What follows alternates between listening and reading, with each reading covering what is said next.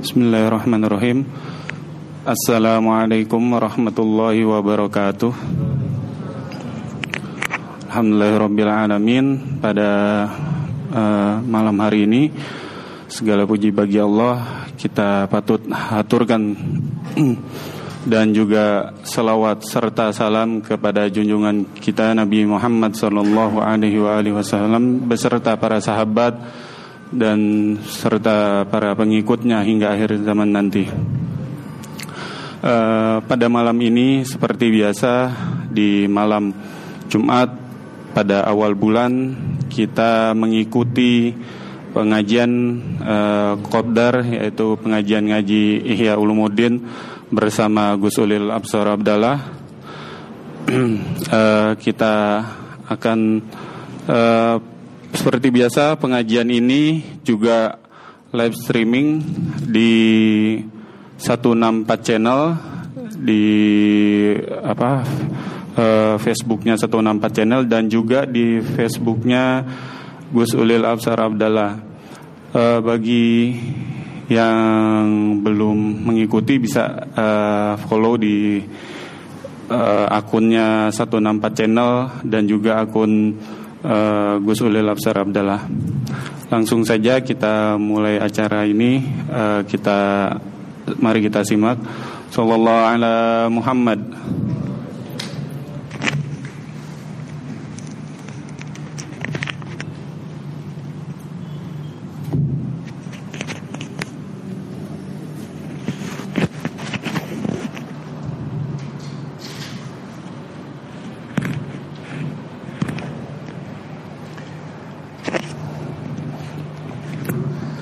Assalamualaikum warahmatullahi wabarakatuh. Bismillahirrahmanirrahim. Alhamdulillahi rabbil alamin. Wassalatu wassalamu ala ashrafil anbiya'i wal mursalin Sayyidina wa habibina wa maulana Muhammadin Wa ala alihi wa ashabihi ajma'in. Rabbi syrah li sadri wa yassir amri Wa akhlul uqdatan min lisani yafqahu qawli Rabbi zidna ilma warzuqna fahma. Amin ya rabbal alamin. Para hadirin dan hadirat yang saya cintai Dan juga para penyimak pengajian Ihya secara online uh, Selamat datang kembali di pengajian Ihya bulanan di Masjid An-Nahdhah di uh, kantor PBNU pada malam hari ini. Uh, Biasanya ngaji ikhya di PBNU dimulai dengan tahlil ya. Tapi karena Pak Kiai Syatiri yang biasanya memimpin tahlil sedang uzur, jadi malam ini kita langsung saja um, memulai ngaji ikhya langsung sehingga bisa lebih cepat ya, bisa lebih dapat banyak insya Allah. Karena biasanya kalau ngaji ikhya di PBNU di sini karena acaranya banyak jadi mendap tidak mendapatkan uh, tidak tidak tidak bisa membaca secara cukup banyak. Jadi malam ini kita akan langsung ngaji khia saja. Uh, insya Allah sudah dibagikan teksnya ya. Uh, Saudara sekalian, kita akan membaca kitab Ihya pada halaman 945 pada paragraf terakhir ya yaitu paragraf yang dimulai dengan kalimat wa amma alamatu audiha ila sihhati ba'dal mu'alajah. Halaman 945 Uh, bagi yang mengikuti ngaji ya secara online saya sudah membagikan teksnya uh, tadi sore sehingga kalau ingin menyimak silahkan ya. Yang di masjid sini insya Allah sudah mendapatkan teks semua. Mari kita mulai ngaji Ihya dengan menghadiahkan Al-Fatihah kepada muallif kitab ini yaitu Imam Ghazali. Bismillahirrahmanirrahim. Ila ruhi nabiyina wa syafiina Muhammadin sallallahu alaihi wasallam wa ila arwahil anbiya'i wal mursalin wa ila arwahil awliya'i wa syuhada'i was salihin وإلى أرواح العلماء الصالحين والمؤلفين والمصنفين خصوصا مؤلف هذا الكتاب حجة الإسلام أبا حامد الغزالي قدس الله سره ونور ضريحه وأعد علينا من بركاته ونفعنا بعلومه. وإلى أرواح أموات المسلمين والمسلمات والمؤمنين والمؤمنات خصوصا أرواح مؤسسي جمعيتنا نهضة العلماء. وإلى أرواح مشايخنا ووالدينا وأمهاتنا. شيء لله لهم الفاتحة.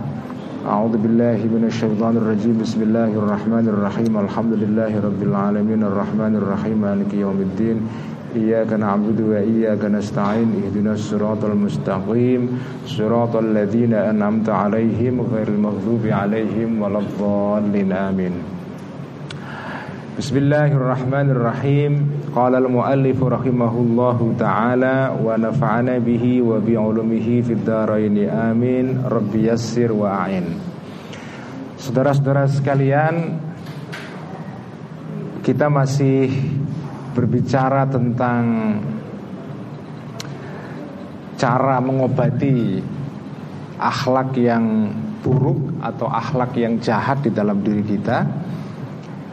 Pada bagian yang lalu Al-Ghazali menerangkan bahwa mengobati akhlak ya itu bukan pekerjaan yang mudah karena bedanya antara penyakit kejiwaan dalam hal ini penyakit kerohanian dengan penyakit badan adalah bahwa penyakit badan itu biasanya langsung diketahui dan disadari oleh yang bersangkutan.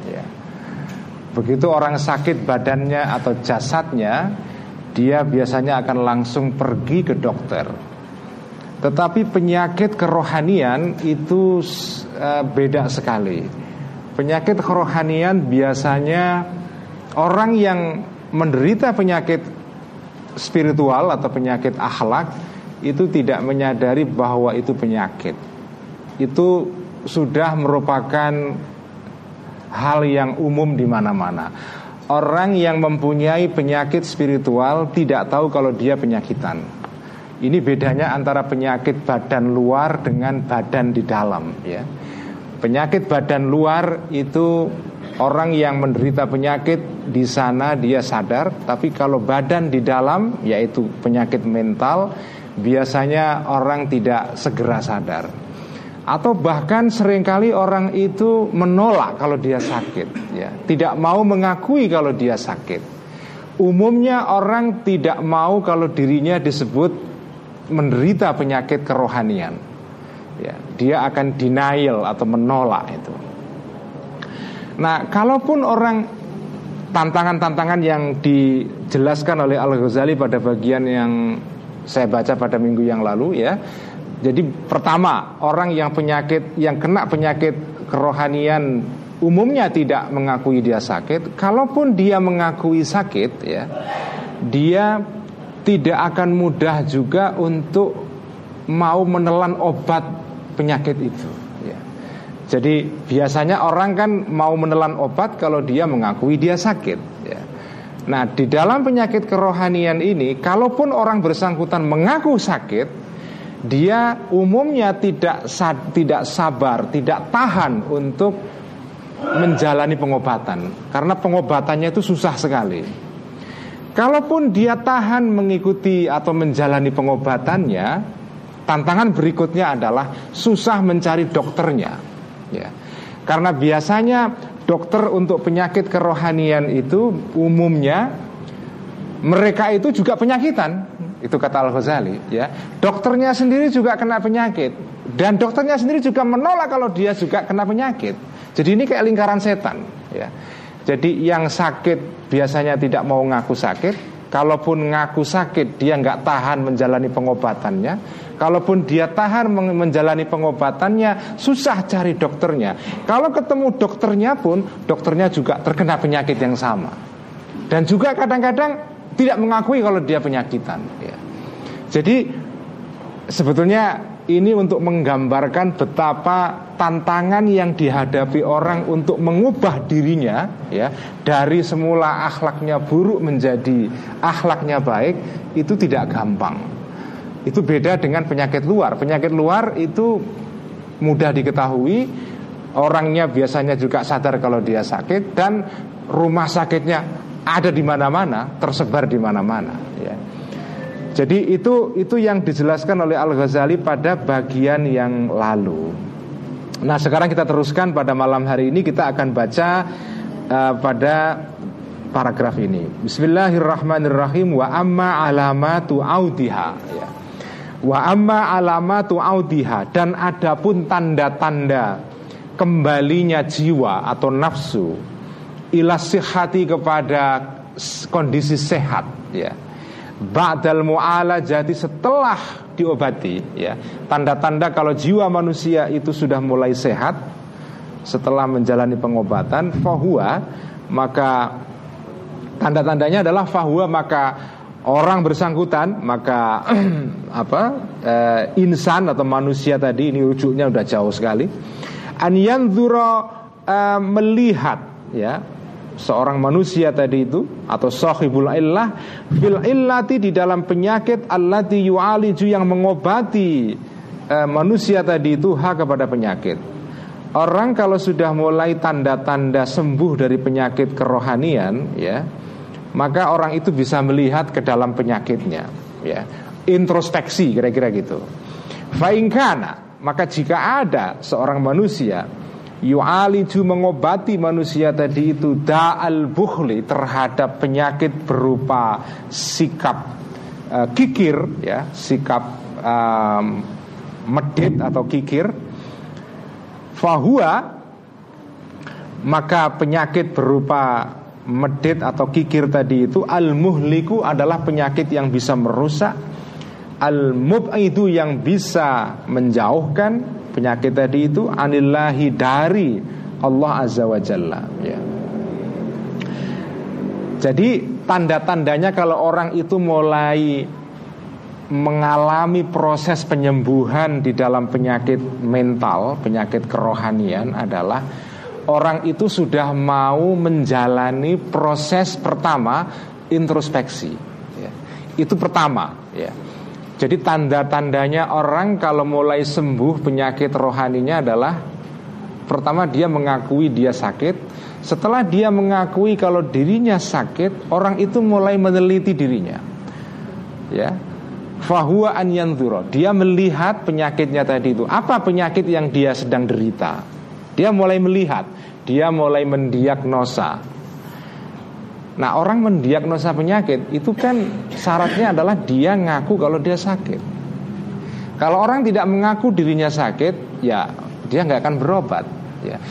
Jadi mengaku orang mengakui dirinya penyakitan itu adalah proses pertama dalam penyembuhan. Kalau orang tidak menyadari dia sakit, ya kalau orang tidak mengakui kalau dirinya sakit, maka ya nggak nggak berobat ya. Dia dia menolak kalau dia sedang penyakitan jadi nggak akan mau berobat. Makanya itu mengakui seseorang itu dirinya penyakitan itu adalah langkah pertama untuk sembuh ya. Jadi pertama adalah fahuwa an yanzura fil dia melihat penyakit dalam dirinya.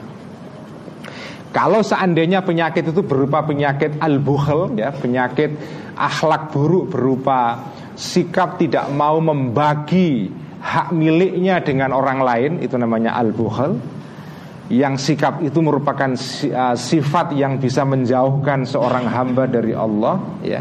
Nah, kalau dia sudah tahu oh penyakit saya adalah ini.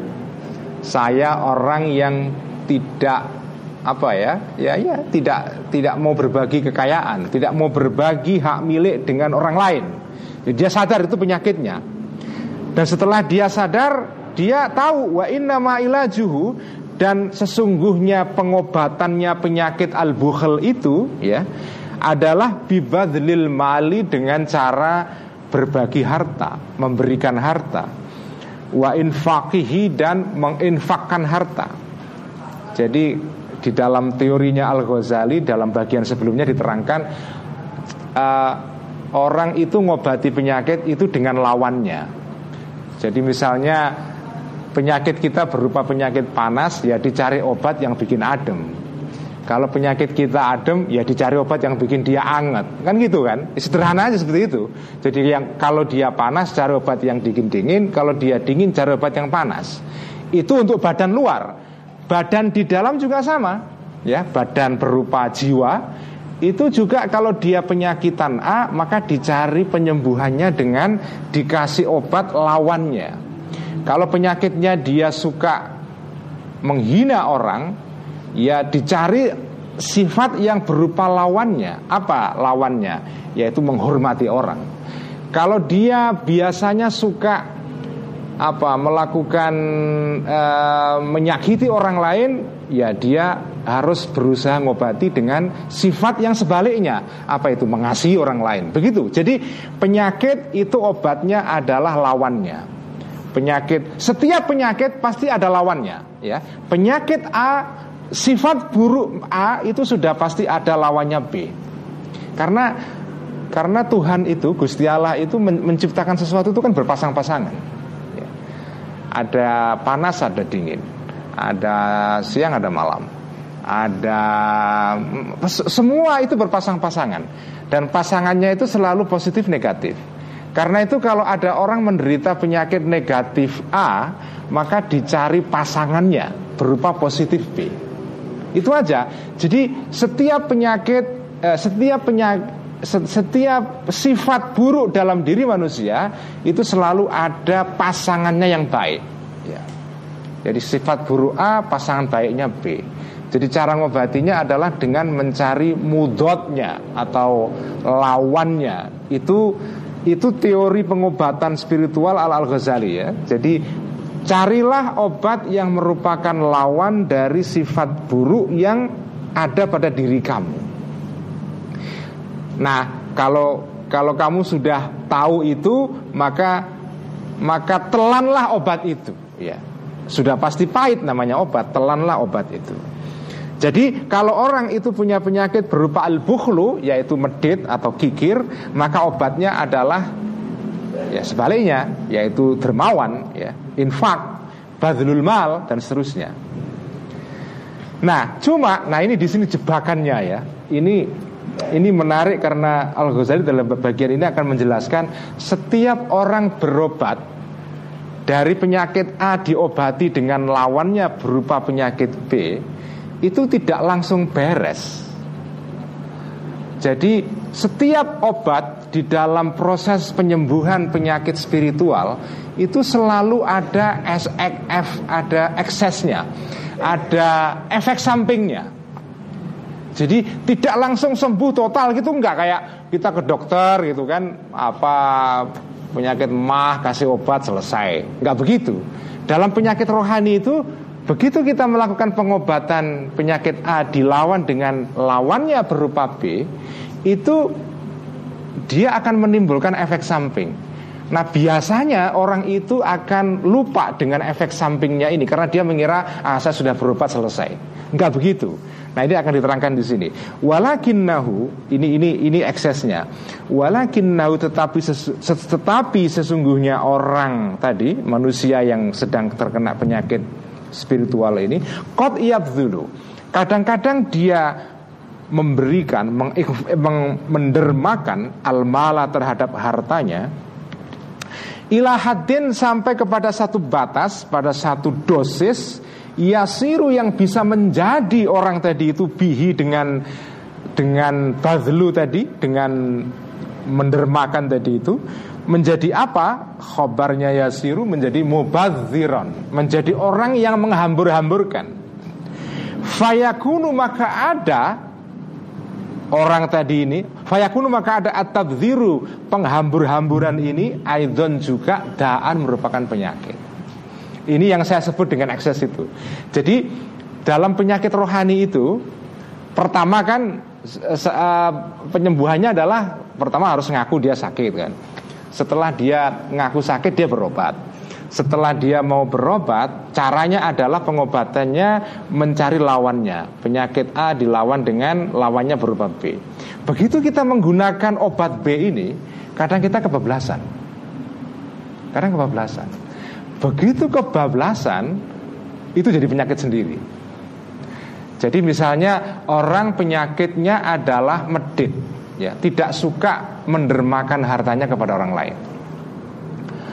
Nah dia berusaha untuk mengobati dengan cara menginfakkan hartanya.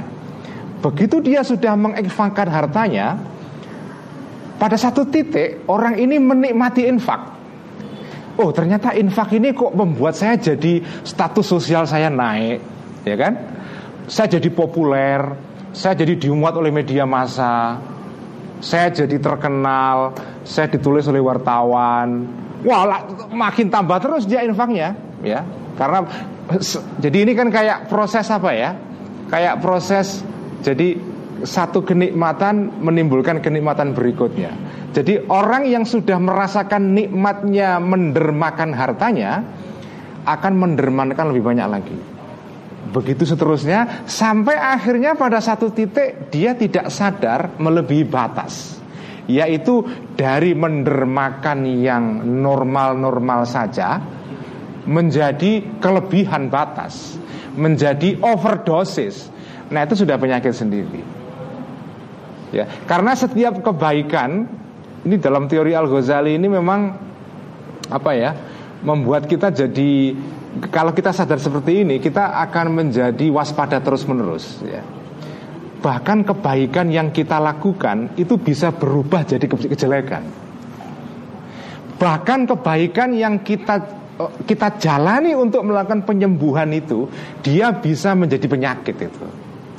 Ini ini betapa apa ya, betapa trikinya, ya, betapa rumitnya ngobati penyakit spiritual itu. Ya, jadi kebaikan yang kita niatkan mula-mula sebagai obat, kalau dia kelebihan dosis jadi penyakit. Loh infak kan bagus pak Oh iya bagus Tapi kalau kamu sudah menikmati infak itu ya sampai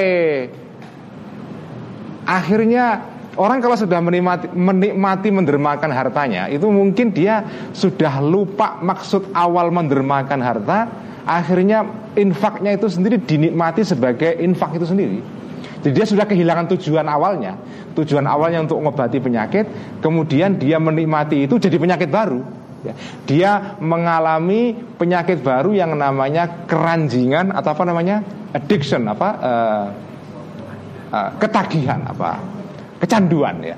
Orang kecanduan infak. Apa ada itu kecanduan infak? Oh ada sekarang banyak banget itu, terutama kalau orang-orang yang sudah infaknya itu sudah diliput oleh media massa nasional itu, wah udah itu, itu malah dia berharap ada bencana alam supaya dia punya kesempatan untuk bisa apa diliput oleh um, apa media masa seterusnya ya. Jadi infak itu bisa menjadi satu kenikmatan sendiri. Kebaikan itu bisa menjadi kenikmatan pada dirinya sendiri yang membuat kita lupa pada tujuan awalnya. Itu namanya penyakit itu. Jadi itu itu itu eksesnya.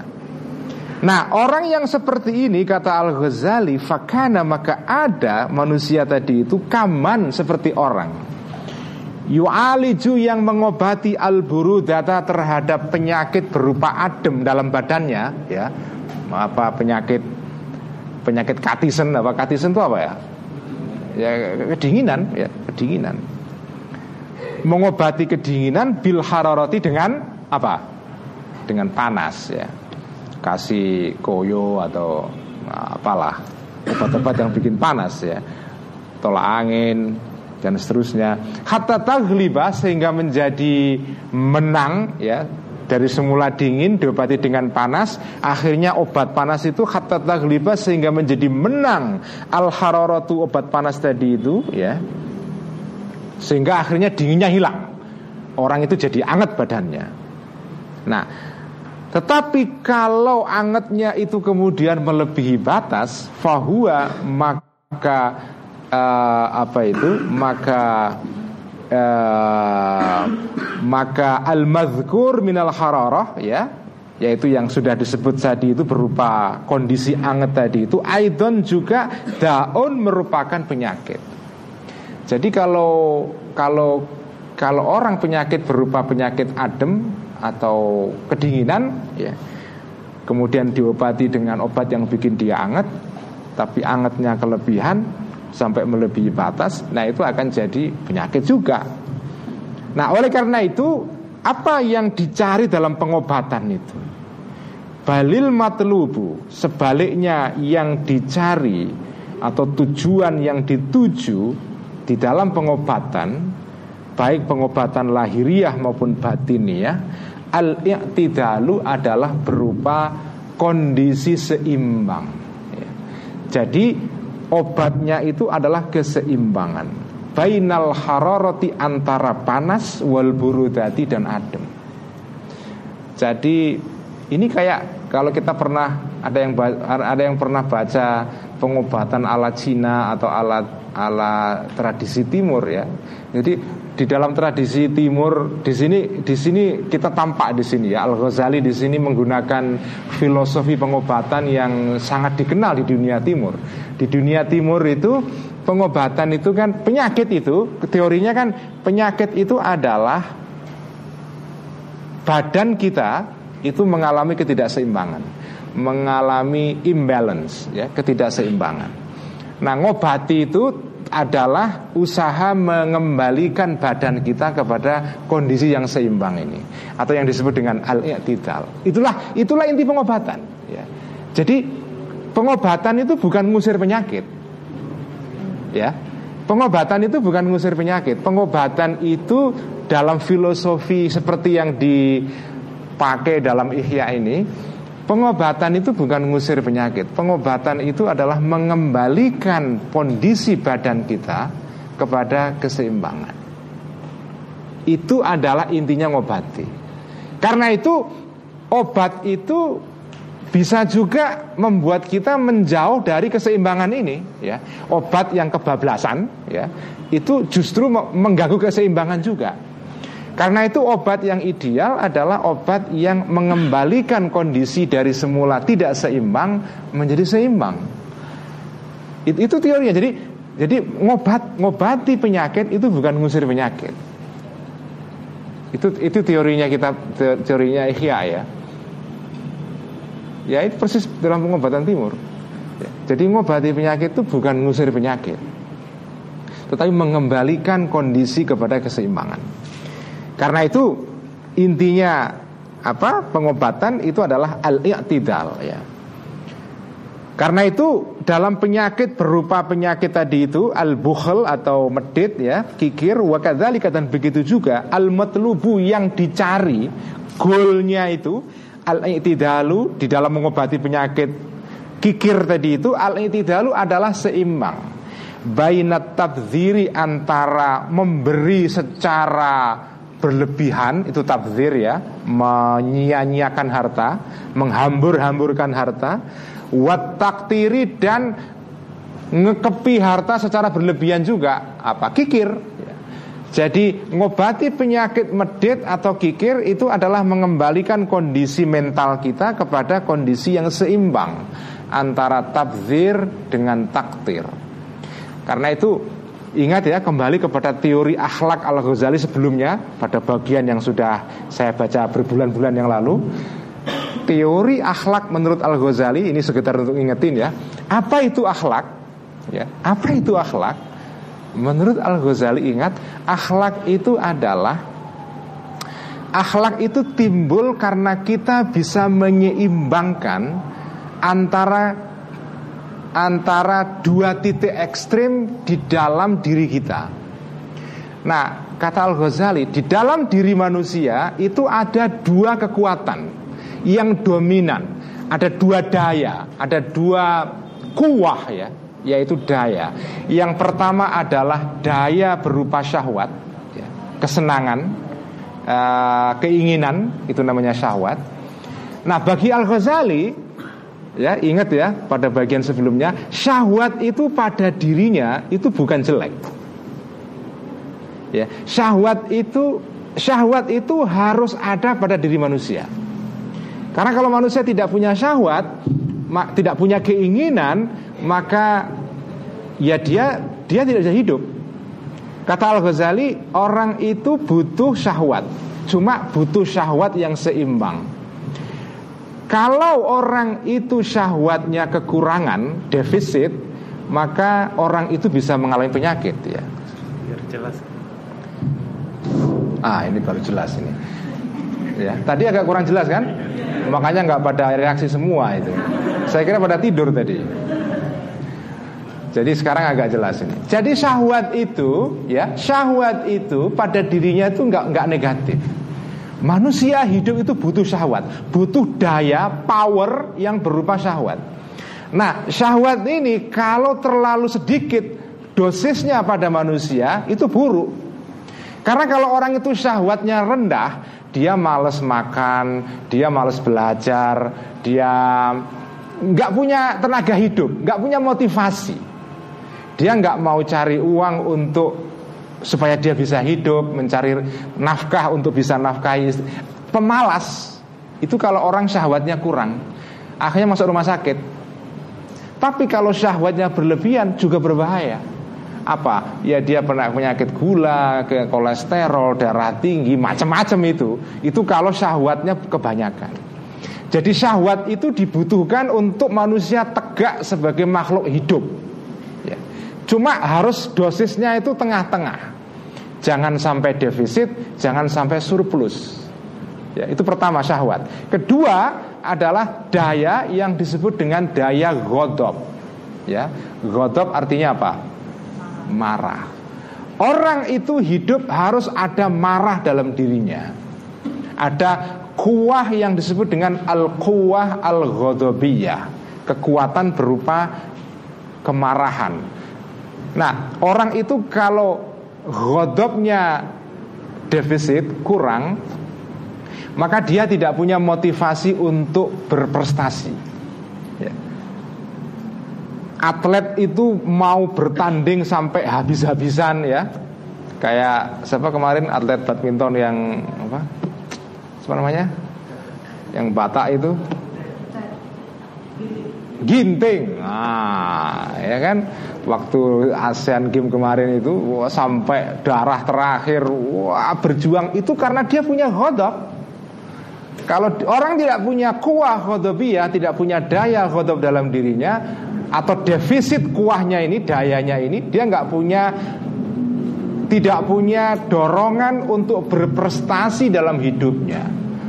Tetapi kalau kuah ghadabiyah kelebihan surplus ya jadinya ya nggak beres orang itu ganggu orang lain perang konflik ketegangan sosial itu semua tawuran. Itu adalah kekuatan ghadab yang surplus. Nah kata Al-Ghazali Akhlak terjadi kalau manusia bisa menyeimbangkan antara Ghodob yang terlalu rendah Dan ghodob yang terlalu tinggi. Jadi akhlak itu apa? Akhlak itu adalah seimbang. Jadi dalam diri manusia ada dua daya Daya syahwat, keinginan dan daya berupa ghodob Daya berupa orang ingin melakukan aksi untuk menyerang orang lain ya. Nah ghadab ini kalau kekurangan juga jelek, kelebihan juga jelek. Jadi akhlak timbul kalau kita bisa menyeimbangkan antara dua daya ini, syahwat dan ghadab. Tengah-tengah, tidak ekstrim kanan, tidak kiri. Begitu juga di sini. Akhlak buruk berupa medit atau kikir itu hanya bisa diobati kalau kita melawan sifat ini dengan sifat lawannya ya, yaitu dermawan, infak dan seterusnya. Tapi kalau infaknya kelebihan itu juga jadi penyakit yang baru. Jadi teori akhlak di dalam pemikiran Al Ghazali adalah i'tidal. Ya, akhlak itu intinya adalah seimbang. Begitu orang menjauhi keseimbangan ini dia sakit. Nah, cara ngobatinya apa? Mengembalikan keseimbangan ini. Jadi namanya pengobatan al-mu'alajah itu bukan ngusir penyakit, tapi mengembalikan diri kita kepada keseimbangan titik tengah itu. Itu namanya ngobati ya. Nah, um, hatayakuna sehingga ada orang tadi itu orang yang sedang mengobati penyakitnya berupa kikir ya alal wasati di berada di atas garis tengah ya. wafi ghayatin dan di dalam uh, di dalam uh, wafi ghayatin dan di dalam puncak ya dalam ukuran yang sangat tinggi minal bukti dari jauh anitorofa ini di antara dua titik ekstrim. Jadi ngobati itu artinya adalah mencari titik keseimbangan sehingga ada di garis tengah jauh dari dua titik ekstrim yaitu ekstrim defisit dan ekstrim berupa surplus ya atau ekses ya itulah ngobati fain arota nah sekarang titik tengah itu di mana Ya, orang kan selalu bicara wasatia, Islam jalan tengah, moderat seterusnya. Moderat itu di mana? Ya, orang kan semua ngomong tengah, tengah, tengah. Tengahnya itu di mana? Nah, sekarang kita baru belajar ini. Ya, kalau ingin tahu apa itu jalan tengah ini sekarang. Ya, malam ini kita belajar dari Al Ghazali. Ya, apa itu jalan tengah ini? Ya, ini nggak setiap saat loh Anda bisa ngaji ini nih. Ya, jadi baru malam ini Anda akan belajar ini. Fainarota, maka jika ingin tahu engkau Fa'in arata maka jika ingin engkau Anta arifah untuk mengetahui engkau Al wasato terhadap garis tengah Jalan tengah Itu apa? ya Fandur Maka lihatlah Ilal fi'li ini proses mengetahui mendeteksi jalan tengah itu begini caranya. Fandur maka lihatlah, maka eh, apa pikirkanlah ya, maka apa itu eh, dipikir ya. Ila al fi'li lihatlah ilal fi'li terhadap pekerjaan apa kelakuan tindakan atau akhlak ya alladzi yujibu yang mengharuskan yang menimbulkan hu kepada fi'al al khuluku akhlak al mahzuru yang diwaspadai. Jadi kalau kamu ingin mengetahui jalan tengah, sekarang kamu pikirkan, kamu refleksikan, kamu uh, pikirkan ya tindakan yang kamu lakukan, tindakan yang muncul karena akhlak tertentu. Misalnya tindakan kikir, tindakan suka mengganggu orang lain, nyinyiri orang lain, agresif kepada orang lain, tindakan suka menghina, ya, seterusnya. Kalau kamu punya tindakan A yang buruk ya, sekarang kamu lihat tindakan itu. Kamu kamu lihatlah tindakan kamu itu, ya. Ini pertama ya. Setelah kamu lihat tindakan kamu ini, faingkana. Ah ini yang penting ini. Faingkana maka jika ada tindakan tadi itu ashala lebih mudah, enteng alaika kepada dirimu, ashala lebih enteng tindakan tadi itu alaika kepada dirimu, wa aladza dan lebih terasa nyaman, terasa nikmat ya jadi tindakan itu kalau terasa enteng dan nikmat kamu lakukan Minalladzi dibanding tindakan Yudhadu yang melawan alladzi tindakan tadi itu Hu kepada al-fi'al pekerjaan tadi sebelumnya. Jadi kalau tindakan A terasa lebih nyaman pada diri kamu daripada tindakan B ya Maka kalau kamu sudah bisa mendeteksi itu fal ghalibu maka yang tindakan yang dominan yang menang alaika terhadap diri kamu zalika adalah zalikal khuluku adalah akhlak tadi itu yang disebut tadi itu yang sudah disebutkan tadi itu al mujibu yang menimbulkan lahu kepada tindakan tadi itu. Jadi cara untuk mengetahui jalan tengah adalah kamu harus menyadari dulu apa yang menjadi objek yang ingin kamu obati itu ya. Misalnya kamu punya tindakan buruk A, oke, kamu telah A itu. Jadi kalau ada tindakan, ada pekerjaan terasa ringan kamu lakukan, ya, meskipun tindakan itu kelihatan baik, kalau ada tindakan itu terasa ringan pada diri kamu tinimbang dibanding dengan tindakan B, maka berarti tindakan yang terasa ringan itu berarti tindakan yang lebih dominan. Pengaruhnya pada diri kamu. Kalau kamu merasa lebih suka melakukan tindakan A, berarti tindakan A ini lebih menguasai diri kamu tindak, ketimbang tindakan B. Jadi misalnya kalau tindakan A misalnya apa? Kamu tidak suka menginfakkan diri kamu, uh, harta kamu kepada orang lain. Ya. Jadi ada dua tindakan, tindakan infak dan tindakan kikir al-bukhl. Ya, ada tindakan berupa infak yaitu mendermakan harta A, tindakan B yaitu kamu tidak suka menginfakkan namanya al-bukhl. Kalau tidak memberikan harta kepada orang lain itu terasa lebih ringan, maka itu itu tandanya bahwa namanya sifat al-bukhl ini itu lebih al-ghalib, lebih dominan pada diri kamu.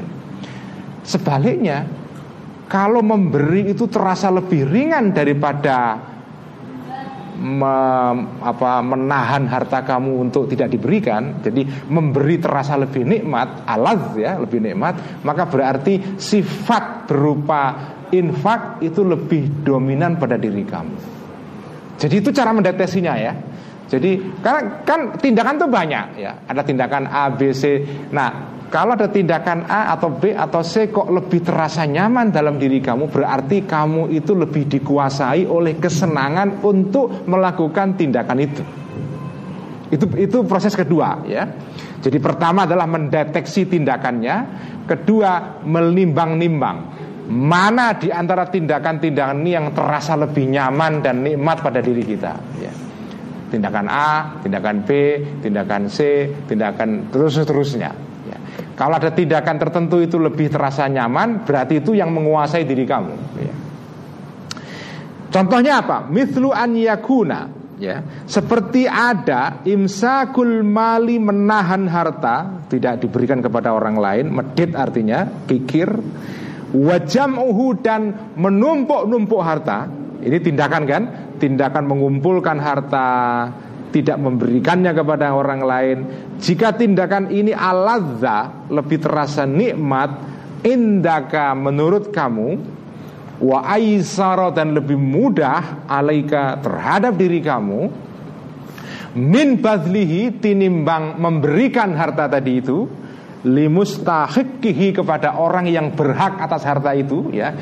Misalnya zakat ya diberikan kepada mustahiknya.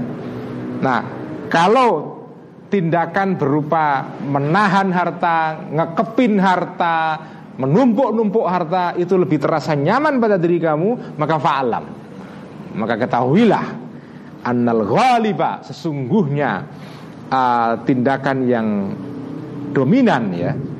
Annal ghalibah sesungguhnya tinggal tindakan yang dominan alaika kepada diri kamu Hulukul bukhli adalah Huluk atau apa Akhlak berupa tindakan kikir ya jadi itu artinya kekikiran ya ke bukhel kemeditan ya itu lebih dominan pada diri kamu lebih menang lebih unggul lebih berpengaruh di dalam jiwa kamu. Nah, karena dia terlalu pengaruhnya lebih besar, maka fazid, maka tambahilah, maka usahakanlah fil muadzabati di dalam uh, apa itu melanggengkan ya, konsisten itu muadzabah artinya alal badli untuk memberi. Jadi kalau medit sifat medit lebih terasa nyaman pada diri kamu itu artinya kamu dikuasai oleh sifat itu. Karena dia lebih dominan, maka usaha, usahakanlah untuk melawan. Gimana cara melawannya? Ya dicari sifat yang merupakan kebalikannya. Apa itu? Berinfak ya. Itulah itulah e, cara untuk mencari jalan tengah. Tapi belum selesai ini. Ini ini masih ini masih proses ya. Nanti akan ketemu kalau sudah sampai ke akhir kalimatnya. Fa insoro. Nah, jadi ini kan prosesnya sifat A dilawan sifat B. Oke. Untuk mencari jalan tengah ini ya. Ini ini proses untuk mencari garis tengah. Jadi sifat A yang buruk dilawan dengan sifat B yang baik. Fa'in soro maka jika menjadi jadi sudah sesudah dilawan yaitu berupa infak fa'in soro maka jika jadi al badlu memberikan harta ala ghairil mustahiki kepada orang yang tidak berhak ya. Jadi kamu melawan sifat kikir dengan sifat infak Saking kamu senengnya infak Kamu tidak saja infak kepada orang yang berhak atas harta kamu Tapi orang yang tidak berhak pun kamu beri juga Karena kamu sudah merasakan nikmatnya infak. Jadi siapa pun kamu beli, kamu beri. Orang yang tidak berhak pun kamu beri juga. Itu namanya al-badlu ala ghairil mustahiqi ya. Memberi kepada orang yang tidak berhak. Nah, kalau sudah sampai begini ya, memberi kepada orang yang tidak berhak aladza terasa lebih nikmat. Indaka menurut diri kamu? Wa akhaffa dan terasa lebih ringan alaika kepada diri kamu? Minal imsaki tinimbang menahan harta bil haki secara benar ya. Kan ada situasi kan menahan harta tidak memberi itu justru lebih baik daripada memberi. Karena apa? Karena kalau kamu memberi kau berikan harta kamu kepada yang tidak berhak. Misalnya kamu berikan harta kamu kepada orang yang begitu dapat harta kamu ini dibuat judi misalnya. Itu kan kamu tahu harta ini kalau kamu berikan kepada orang itu, orang itu akan memakai harta itu untuk judi. Tapi karena kamu sudah keranjingan ingin infak terus, nikmatnya infak, kamu tahu orang ini kalau diberi maka akan menyia-nyiakan harta kamu, tetap kamu beri juga. Itu namanya sudah kebablasan. Pada situasi itu, kamu sudah menikmati infak tapi tidak dengan hak, tidak secara benar. Nah, kamu di situ sudah menjauhi titik tengah itu. Jadi itu artinya apa? Uh, infak itu sudah melebihi batas sehingga kamu infak kepada orang yang tidak berhak atas infak kamu itu.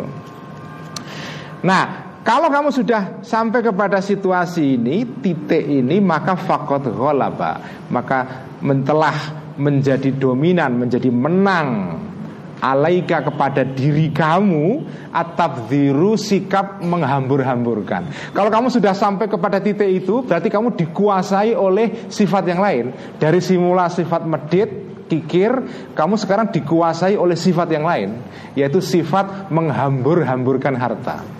Jadi di sini namanya bukan lagi infak tapi menghambur-hamburkan. Ya kan? Yang tadi berupa sifat medit kikir ini sekarang infak tapi berlebihan kebablasan itu namanya menghambur-hamburkan. Jadi baik yang ini maupun ini ini adalah tindakan yang tidak ideal, menjauhi jalan tengah. Dan cara mendeteksinya adalah yaitu begitu kamu condong kepada tindakan A merasa nyaman, menikmati sampai kelebihan, nah itu di situ semua sudah tandanya menjauhi jalan tengah. Ya. Ini ini teknologi jiwa ini ya. Ini teknik ya, teknik untuk menguasai jiwa kita sebetulnya. Jadi caranya begitu. Pokoknya apa pun. Jadi kamu kalau misalnya dalam hal apa pun, kalau kamu sudah merasa menikmati tindakan A, terus kemudian kecanduan, nah itu berarti sudah jelek itu. Itu kamu sudah berarti menjauhi jalan tengah. Jadi jalan tengah itu adalah sederhana cara mendeteksinya. Orang yang sudah kecanduan tindakan A, itu berarti dia sudah menjauhi jalan tengah. Karena teori Al-Ghazali mengenai akhlak adalah akhlak itu tengah-tengah. Begitu kamu kecanduan, ya itu nggak baik itu. Nah ini pertanyaannya adalah, ini jadi pertanyaannya, bagaimana kalau ada orang kecanduan sesuatu yang baik? Misalnya, ada orang kecanduan membaca buku misalnya.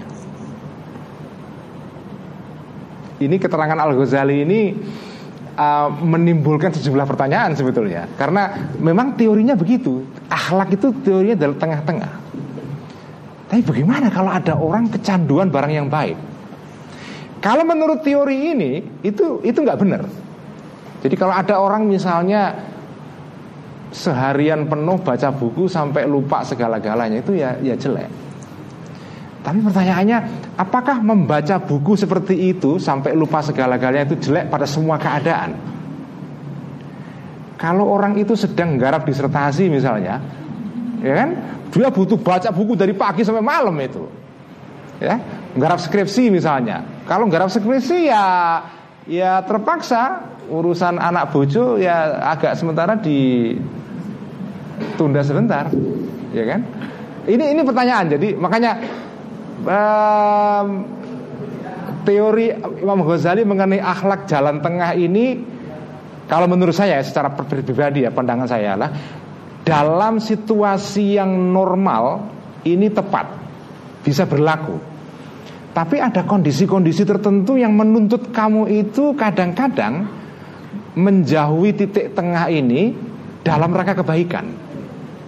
Misalnya ya tadi itu orang lagi garap disertasi atau tesis atau skripsi ya kadang-kadang dia harus mengalahkan yang lain-lain. Dia melakukan tindakan A baca buku nulis sampai kadang-kadang uh, lupa yang lain-lain. Makan pun lupa kadang-kadang. Ya. nah kalau situasinya begitu menurut saya ya karena bukan situasi normal tentu saja menurut saya tidak soal. Tapi kalau dalam situasi normal tidak ada situasi khusus ya perkecualian ya seperti ini. Jadi dan saya, saya kira ini sesuai dengan hadis Nabi yang terkenal yang pernah kan ada satu cerita yang jenengan sudah tahu semua pasti. Pernah ada satu satu apa satu kejadian. Sahabat Nabi itu kan suka jagong di kamar tamunya kanjeng Nabi ya. Jadi kanjeng Nabi itu kayak kiai-kiai sekarang itulah pak. Rumahnya itu jadi tempat orang nongkrong karena Nabi tinggalnya di mana di masjid kan Nah orang itu sering kali nongkrong di masjid karena para sahabat tuh kepingin dekat dengan kanjeng Nabi. Karena kanjeng Nabi ini orang yang memang diajak ngomong itu enak. Ya, orangnya suka menanggapi. Jadi orangnya terbuka. Makanya kanjeng Nabi itu sering kali rumahnya, kamar tamunya yaitu di apa di Masjid Madinah itu di Sufah itu itu sering kali didatangi para sahabat.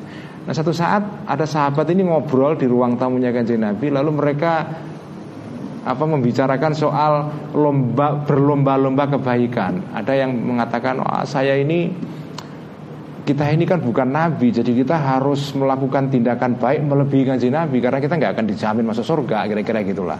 Jadi saya ini nggak pernah apa itu tidur malam ya saya selalu tahajud sampai subuh nggak pernah apa itu tidur. Ada yang bilang saya nggak pernah makan saya puasa setiap hari dan seterusnya. Ada yang wah saya tidak mau nikah dan saya kepingin mendedikasikan waktu saya untuk kebaikan dan seterusnya.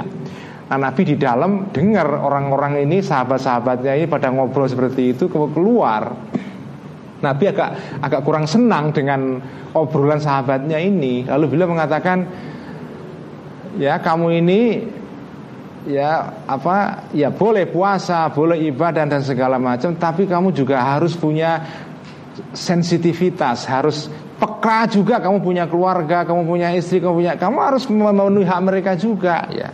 Jadi jadi itu hadis itu sebetulnya kan menekankan jalan tengah. Jadi orang boleh beribadah tapi tidak boleh menjauhi jalan tengah. Teori akhlak Al Ghazali persis sesuai, dengan hadis ini. Jadi intinya akhlak, intinya kebaikan adalah itidal. Ya. Intinya itidal. Bukan intinya itu orang berbuat kebaikan sampai mengelupakan yang lain-lain. Bukan itu. Jadi kebaikan itu dicapai bukan dengan cara memfokuskan pada kebaikan satu, mengorbankan kebaikan yang lain. Itu bukan begitu.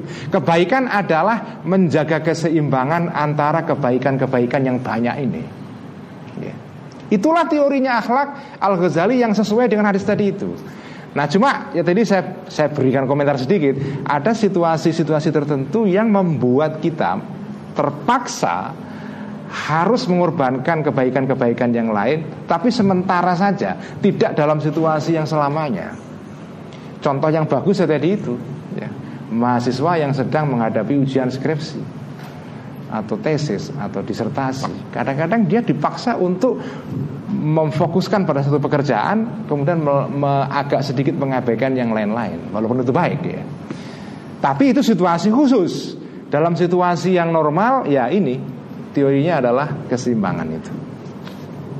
Jadi itu ya. Jadi itu, itulah itulah intinya teori akhlak bagi Al Ghazali. Tadi mana ya? E, nah, jadi kalau kamu sudah terlalu condong kepada tindakan sebaliknya, maka farji maka kembalilah engkau ilal muadzabati untuk konsisten ya melanggengkan alal imsaki untuk menahan harta. Kalau kamu sudah terlalu menikmati nikmatnya memberi infak kepada orang lain termasuk kepada orang-orang yang tidak berhak atas harta kamu, itu tandanya kamu sudah dikuasai oleh sifat itu maka kembalilah kepada sifat yang sebaliknya yaitu medit kembali jadi apa uh, infak yang kelebihan ya harus harus dikendalikan kamu kembali kepada sikap sebelumnya yaitu sikap tidak memberikan harta kepada orang lain. Tapi kalau ini sudah kelebihan juga balik lagi ke, ke sebaliknya. Jadi apa ya jalan tengah itu jalan yang tidak stabil. Dalam pengertian kamu itu di tengah-tengah itu begitu sulitnya mudah tergelincir ke sebelah kanan atau kiri. Karena karena itu begitu kamu sudah tergelincir ya kembali ke tengah lagi. Tapi begitu kamu sudah di tengah itu godaan untuk tergelincir ke sebaliknya itu besar sekali.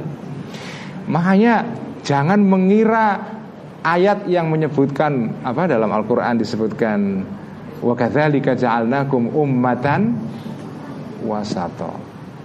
Dan begitulah aku maksudnya Allah menjadikan kalian umatnya Kanjeng Nabi ini umat yang ada di jalan tengah. Nah, orang itu mengira jalan tengah itu mudah karena tengah itu kan ada ekstrim A, ekstrim B, tengah, ya kan? Itu dikira mudah tengah itu. Tengah itu justru jalan yang paling sulit. Yang mudah itu justru kalau kamu melenceng ke kanan atau ke kiri itu mudah banget.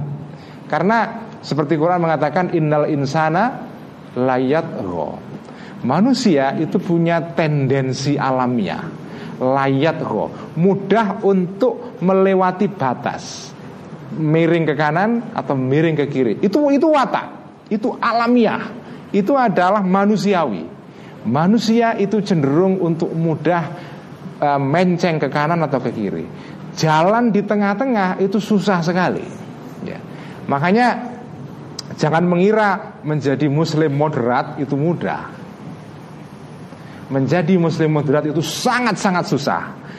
Buktinya apa? Ya ini kitab Ihya ini menjelaskan dengan cukup baik sekali. Menjadi tengah-tengah itu susah sekali karena biasanya orang kalau sudah senang kepada satu tindakan A, kelebihan kemudian sampai kebablasan. Nanti dilawan dengan sebaliknya kemudian kebablasan lagi. Jadi mau ke kiri ya dilawan dengan kanan, kanannya kelebihan, kemudian ke kanan sekali. Nanti dibalik, dilawan dengan ke kiri, kirinya kelebihan, masuk ke kiri kejauhan. Jadi begitu terus. Manusia itu adalah seperti ayunan itu, ya, ayunan. Nah, ngayun itu ya ke kanan ke kiri, di tengah-tengah itu susah sekali, susah sekali. Ya. Itu itu adalah e, teori tengah-tengah menurut Al Ghazali. Falatazalu. Nah, karena itu susah ya falatazalu, maka maka maka tidak henti-hentinya engkau ya. Maka terus-menerus engkau turaqibu mengawasi engkau nafsaka kepada awak, kepada jiwa kamu, kepada diri kamu. Kamu harus terus selalu awas, selalu waspada itu turaqibu ya watastadillu dan terus menerus apa itu me, apa uh, dan terus menerus mencari dalil atau mencari jalan ya. Ala khulukika terhadap akhlak kamu ya. Bitas bitas yiril afali dengan cara mudahnya tindakan-tindakan wa ta'siriha dengan cara memudahkan tindakan-tindakan wa ta'siriha dan menyulitkan tindakan-tindakan itu. Jadi ini ya um, teorinya Al-Ghazali adalah jadi manusia itu mencari jalan tengah itu susah. Karena itu kamu harus selalu waspada. Nah, cara waspadanya apa? Cara waspadanya adalah kamu deteksi akhlak kamu dengan cara melihat. Ini tindakan A atau B itu terasa mudah atau sulit? Begitu terasa mudah Mudahnya sampai kelebihan Berarti kamu sudah menjauhi jalan tengah. Kamu harus mencari jalan sebaliknya Jalan yang sulit. Jadi kalau ada akhlak A terlalu mudah bagi kamu, kamu cari akhlak sebaliknya yang sulit untuk mengimbangi itu. Begitu yang yang akhlak B ini menjadi mudah, kamu harus mudahnya kelebihan, kamu cari imbangannya yang lain lagi ya. Jadi begitu, manusia ini kayak kayak ayunan. Jadi mencari jalan tengah kamu harus mengerti ini. Di mana di mana letak letak kemudahan dan di mana letak kesulitan. Kalau kamu sudah merasakan tindakan A itu terasa mudah, ya. Ini ini pasti seperti orang olahraga itu. Ini agak mirip dengan atlet ya. Atlet itu ini kan nggak tahu saya juga bukan atlet tapi kira-kira lah ya. Kira-kira itu kan orang kalau misalnya mau jadi atlet lifter itu apa? Um, angkat berat ya. Kalau kamu sudah mengangkat satu berat tertentu itu sudah terlalu mudah. Misalnya 60 kilo. Semula 60 kilo berat sekali. Ya kan? 60 kilo itu berat sekali. Begitu kamu latihan terus menerus menerus Akhirnya 60 kilo jadi terasa mudah. Ringan. Bahkan nyaman Nah itu berarti kamu sudah tandanya Kamu sudah harus meninggalkan itu. Karena sudah bukan jalan tengah lagi. Kamu harus cari oh, apa itu tantangan berikutnya. 70 kilo. Mula-mula berat Ya kan? 70 kilo berat. Tapi dengan latihan terus menerus Terus menerus ya. Pada satu titik 70 kilo jadi, jadi ringan sekali. Jadi mudah sekali Jadi enak sekali. Nah kalau orang terlalu menikmati 70 kilo kelemahan Ya dia nggak akan meningkat apa itu eh, kualitasnya Dia akan stuck di situ ya itu itu maknanya watastadillu ala khuluqika bitaisiril af'ali wa ta'siriha jadi kamu harus bisa mendeteksi pada situasi mana kamu merasa nyaman dengan akhlak tertentu. Begitu kamu sudah terlalu nyaman di situ, itu tandanya kamu sudah nggak di tengah-tengah lagi. Tengah-tengahnya harus dicari apa? Dicari lawannya lagi supaya kamu meningkat. Seperti lifter tadi itu, Begitu kamu sudah nyaman dengan beban tertentu, berarti kamu sudah menjauhi jalan tengah. Kamu harus mencari tantangan berikutnya. Kalau bahasa anak milenial sekarang ya kira-kira kamu harus meninggalkan comfort zone. Ya. Apa?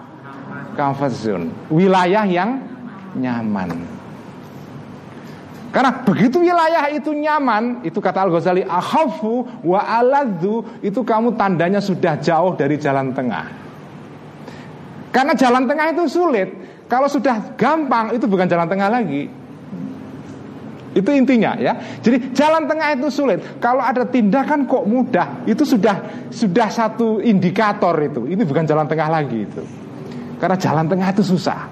Kalau sudah gampang, ah, berarti itu bukan jalan tengah lagi. Ya, itu bukan jalan tengah lagi.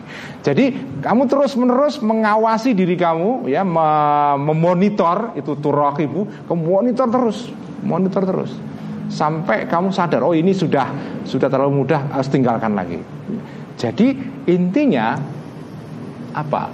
Proses menjadi orang yang huluknya atau akhlaknya baik itu proses yang sebetulnya tidak pernah berhenti. Itu seperti seperti novel yang tidak ada ujungnya. Kisahnya itu nggak ada akhirnya, unending. Kenapa? Ya selama manusia belum mati, belum meninggal, dia akan terus menerus apa? Harus berusaha. Karena kan orang itu pasti pada satu titik akan berhenti pada comfort zone, wilayah nyaman. Begitu kamu sudah masuk wilayah nyaman, kamu tidak tengah-tengah lagi. Kamu harus nyari wilayah yang tidak nyaman lagi. Terus, jadi ini nggak pernah selesai. Makanya menjadi makanya proses makanya kan dalam dalam dalam tasawuf dalam ilmu ilmu tasawuf itu kan orang itu kan digambarkan sebagai orang yang jalan kan makanya namanya suluk apa itu suluk suluk itu ya apa jalan traveling. Kayak orang jalan jalan yang tidak pernah ada ujungnya sampai kita meninggal begitu kita meninggal selesai udah tapi selama kita belum meninggal kita harus jalan terus karena itu kita disebut dengan salik, ya, orang yang jalan menuju kepada Allah. Nah, menuju kepada Allah itu ya tadi itu godaannya adalah kalau tidak mencong ke kanan ke kiri. Dan biasanya mencong ke kanan atau ke kiri itu nikmat. Yang susah adalah di tengah. Jadi cara mendet ini ini teori Al Ghazali ya. Cara mendeteksi jalan tengah adalah lihat sesuatu itu mudah atau susah. Begitu terlalu mudah atau terlalu sulit itu sudah bukan jalan tengah lagi. Ya. Itu itu intinya teorinya Al Ghazali mengenai soal ya tidak atau jalan tengah atau moderatisme itu di sini ya. Ini di sini kalau ada yang suka nulis artikel bisa jadi artikel ini. Ya? Bisa masuk di NU online atau di koran atau apalah ya. Ini menarik ya. Atau kalau ada yang lagi mau nyusun skripsi ya. Ini bisa jadi tema yang menarik. Jadi teori wasatiyah atau teori jalan tengah menurut Al-Ghazali di dalam kitab Ihya ya ini. Itulah itulah intinya jalan tengah itu. Masih kuat saya teruskan? Jam berapa ini ya? Jam 9 ya. Tambah sedikit ya. Nanti kalau ada yang nanti saya akan kasih waktu untuk untuk tanya kalau ada yang kepengen tanya. Saya akan saya akan teruskan sampai akhir paragraf ya. Uh, mana tadi? Uh, hatta tangkotia. Jadi watastadillu ala khulukika bitasyiril af'ali wa ta'siriha hatta tangkotia. Sehingga menjadi putus, pedot, putus. Alama alaqatu qalbika hubungan atau atau kumantilnya hati kamu ya. Atau hubungan hati kamu kaitan hati kamu kalbu kamu ya. Putus dari apa? Anil iltifati dari terlalu terfokus. Mengo kalau bahasa Jawanya itu terlalu terfokus ya. Ilal mali kepada harta falatamilu maka tidak condong engkau ila badlihi untuk terlalu memberikan harta tadi itu secara berlebihan wala ila imsaki dan tidak untuk menahan harta itu. Jadi jalan tengah itu intinya adalah tadi itu uh, dicari mana di mana susahnya, di mana gampangnya ya. Kalau sudah terlalu terasa mudah berarti kamu sudah menjauhi jalan tengah. Jadi kamu tes itu, susah, sulit dan gampangnya kamu tes sampai kamu itu tera, eh, berada pada situasi kamu sudah tidak lagi hati kamu, jiwa kamu itu terlalu terkait dengan sesuatu itu. Ya, misalnya kalau urusan apa urusan kikir dan urusan infak ini kan urusan harta. Jadi oleh Al Ghazali digambarkan gini, kamu terlalu ngekepin harta kamu atau terlalu menikmati infak terhadap harta kamu itu dua-duanya sebetulnya mengindikasikan bahwa kamu itu masih melekat dengan harta kamu. Jadi orang yang kikir menahan hartanya berlebihan atau memberikan hartanya secara berlebihan ya. Walaupun kelihatannya itu beda kualitasnya yang satu mungkin tampak jelek secara sosial yang satu terasa indah ya karena kalau orang dermawan itu diberitakan positif ya. Tetapi kalau menurut ilmu tasawuf itu dua-duanya intinya sama. Hakikatnya orang itu adalah kumantil atau melekat dengan harta. Cuma yang satu melekat dengan cara dikekepi Yang satu melekat dengan cara diberikan tapi berlebihan. Yang satu ingin hartanya itu berada terus di tangannya Nikmat juga. Yang satu diberikan kepada orang lain Dilepas tapi juga menikmati juga. Menikmati harta Menikmati harta juga. Di dua-duanya sebetulnya intinya sama. Yaitu apa? Orang ini terfokus iltifat itu fokus ya. Orang ini iltifatnya perhatiannya, konsennya itu kepada harta. Cuma konsennya itu termanifestasi dalam bentuk yang beda. Yang satu dikekepin, yang satu diberikan. Tapi intinya sama. Nah itu dua-duanya tidak jalan tengah.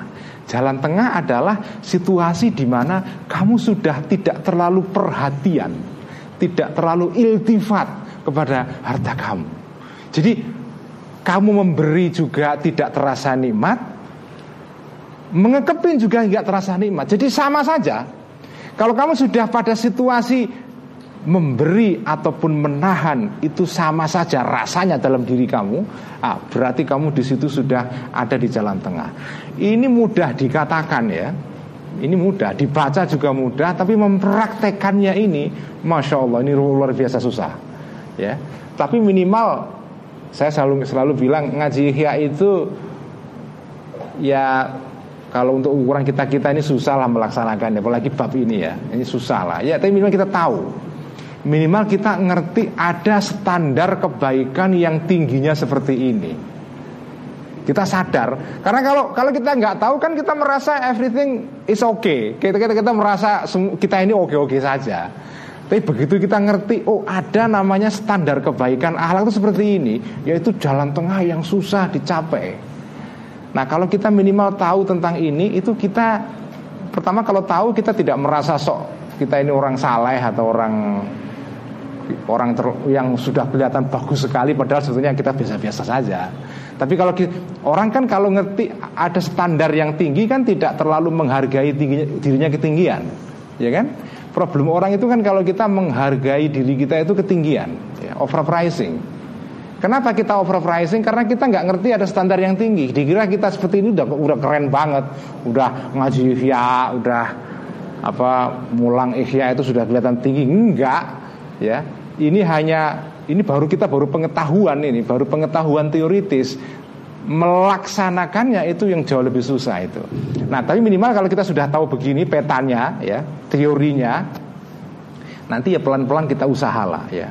Jadi dalam kehidupan sehari-hari nanti kita deteksi aja. Begitu kita sudah nyaman dengan sesuatu A, tinggalkan itu. Nanti ditinggalkan ke B, nyaman lagi tinggalkan itu. Terus gitu. Ya. Jadi kalau kita sudah ngerti teori ini, kita coba nanti kita praktekkan dalam kehidupan sehari-hari ya itu uh, jadi apa uh, iltifat ya. Jadi kita sampai merasa bahwa kita tidak terlalu dikuasai oleh harta. Iltifat kita tidak lagi kepada harta itu. Karena kalau kita masih iltifat atau terfokus concern kepada harta itu baik dengan cara ngekepi atau memberi berlebihan itu kita intinya masih sama. Kita masih dikuasai oleh harta um, fala maka tidak eh, bal yasiru bah, bahkan menjadi ya uh, bal yasiru bahkan atau sebaliknya menjadi harta tadi itu almal ya indaka bagi kamu kalmai seperti air jadi begitu status harta ini apa ya sama statusnya dalam apa pada diri kamu dia mirip seperti air ya apa sih air itu? Air itu kan Maksudnya asumsinya air ini tersedia dengan melimpah ya. Kita itu kan memberi air atau Kita punya air itu kan memberi atau atau menahan kan sama aja kan? Beda dengan kalau kita punya emas atau kita punya mobil atau kalau kita punya, kalau kamu sudah bisa merasakan memiliki harta seperti memiliki air, yaitu melepas atau menahan itu tidak menimbulkan efek terlalu dalam dalam jiwa kamu. Jadi memberi yang nggak menyesal, menahan juga tidak membuat kita bangga. Seperti kita memberi air atau menahan air sama saja. Ya. Kalau kita sudah sampai di situasi mental seperti itu, ah, itu namanya kamu sudah sudah wali itu. Sudah wali itu. Ya. Kalau kamu sudah di situ itu wali itu. Bagaimana? Harta kamu terasa seperti air. Itu kan sudah berarti ada atau tidak ada nggak nggak ngaruh. Ya.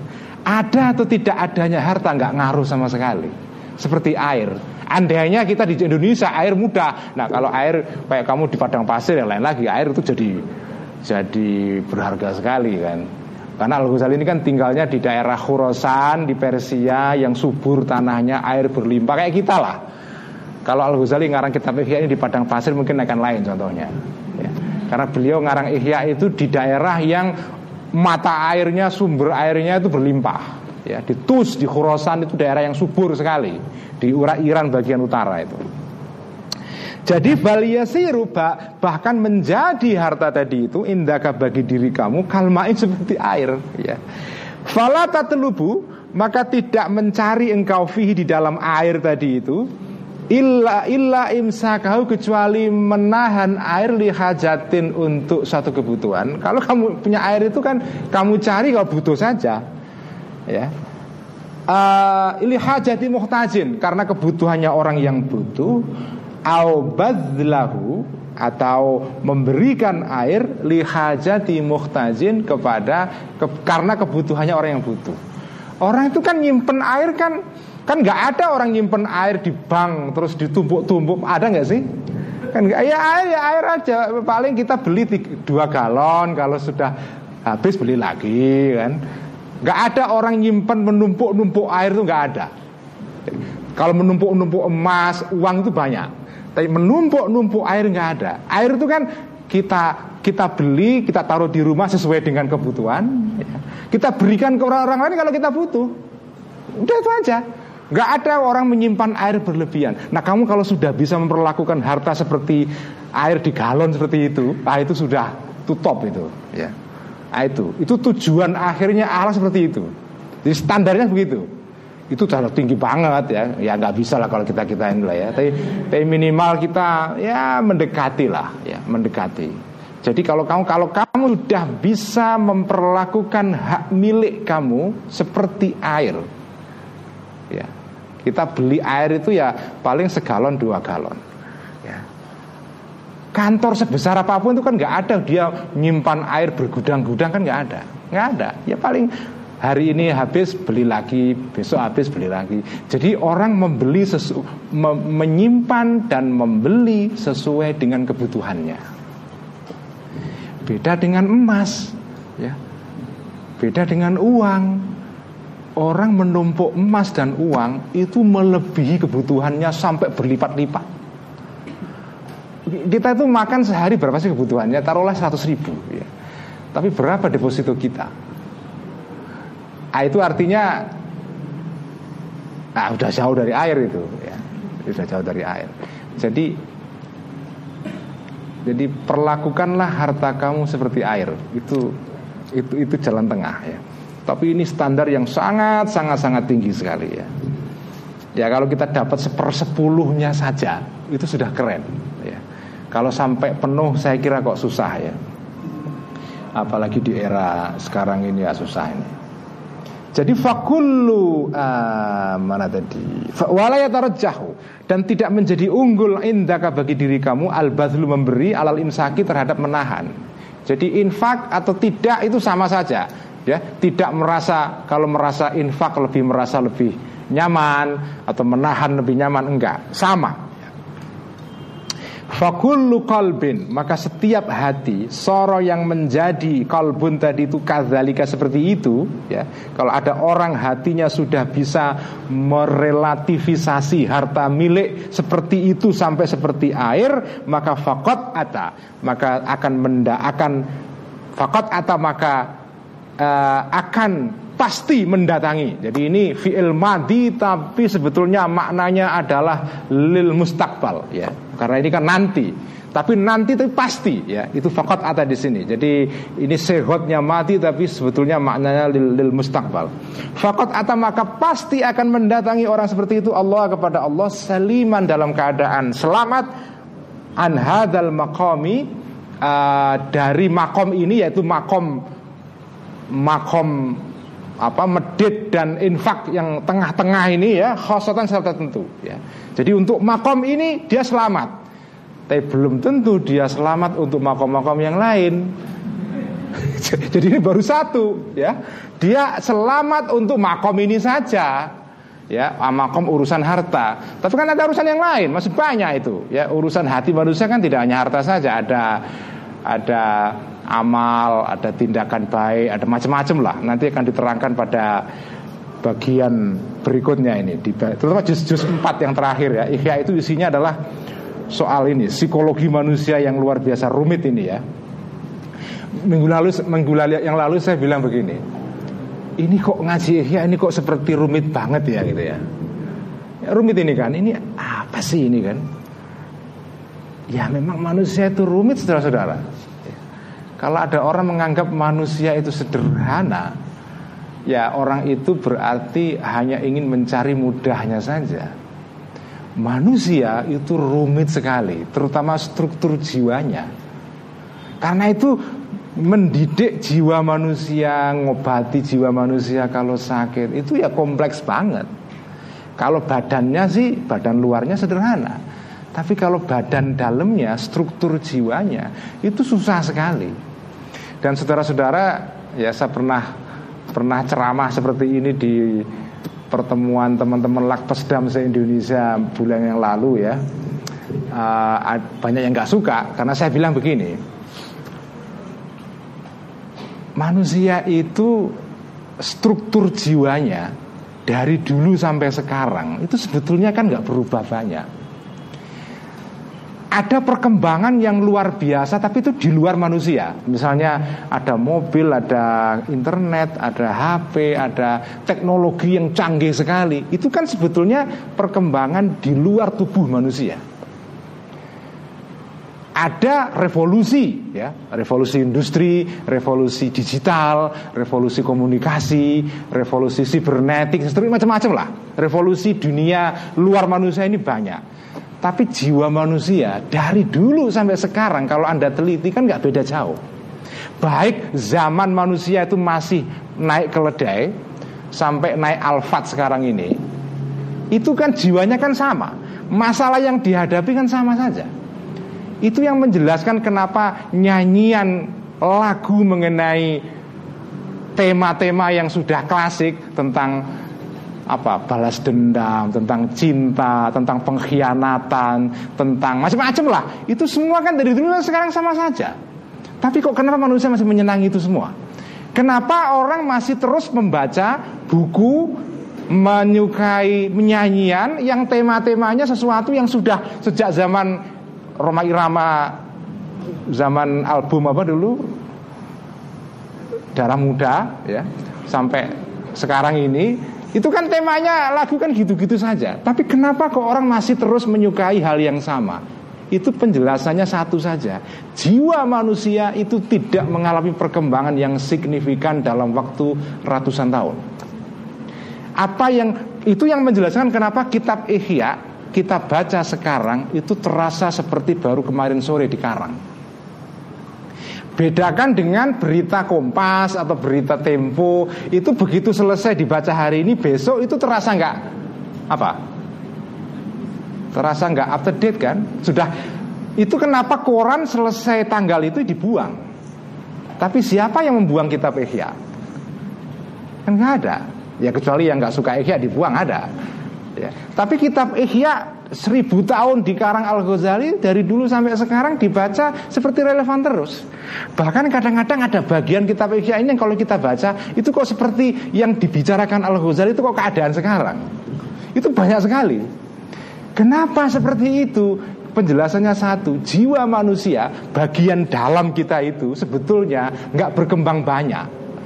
Tubuhnya berkembang banyak, kedokteran itu revolusinya luar biasa tetapi kedokteran jiwa spiritual dari dulu sampai sekarang itu sama saja.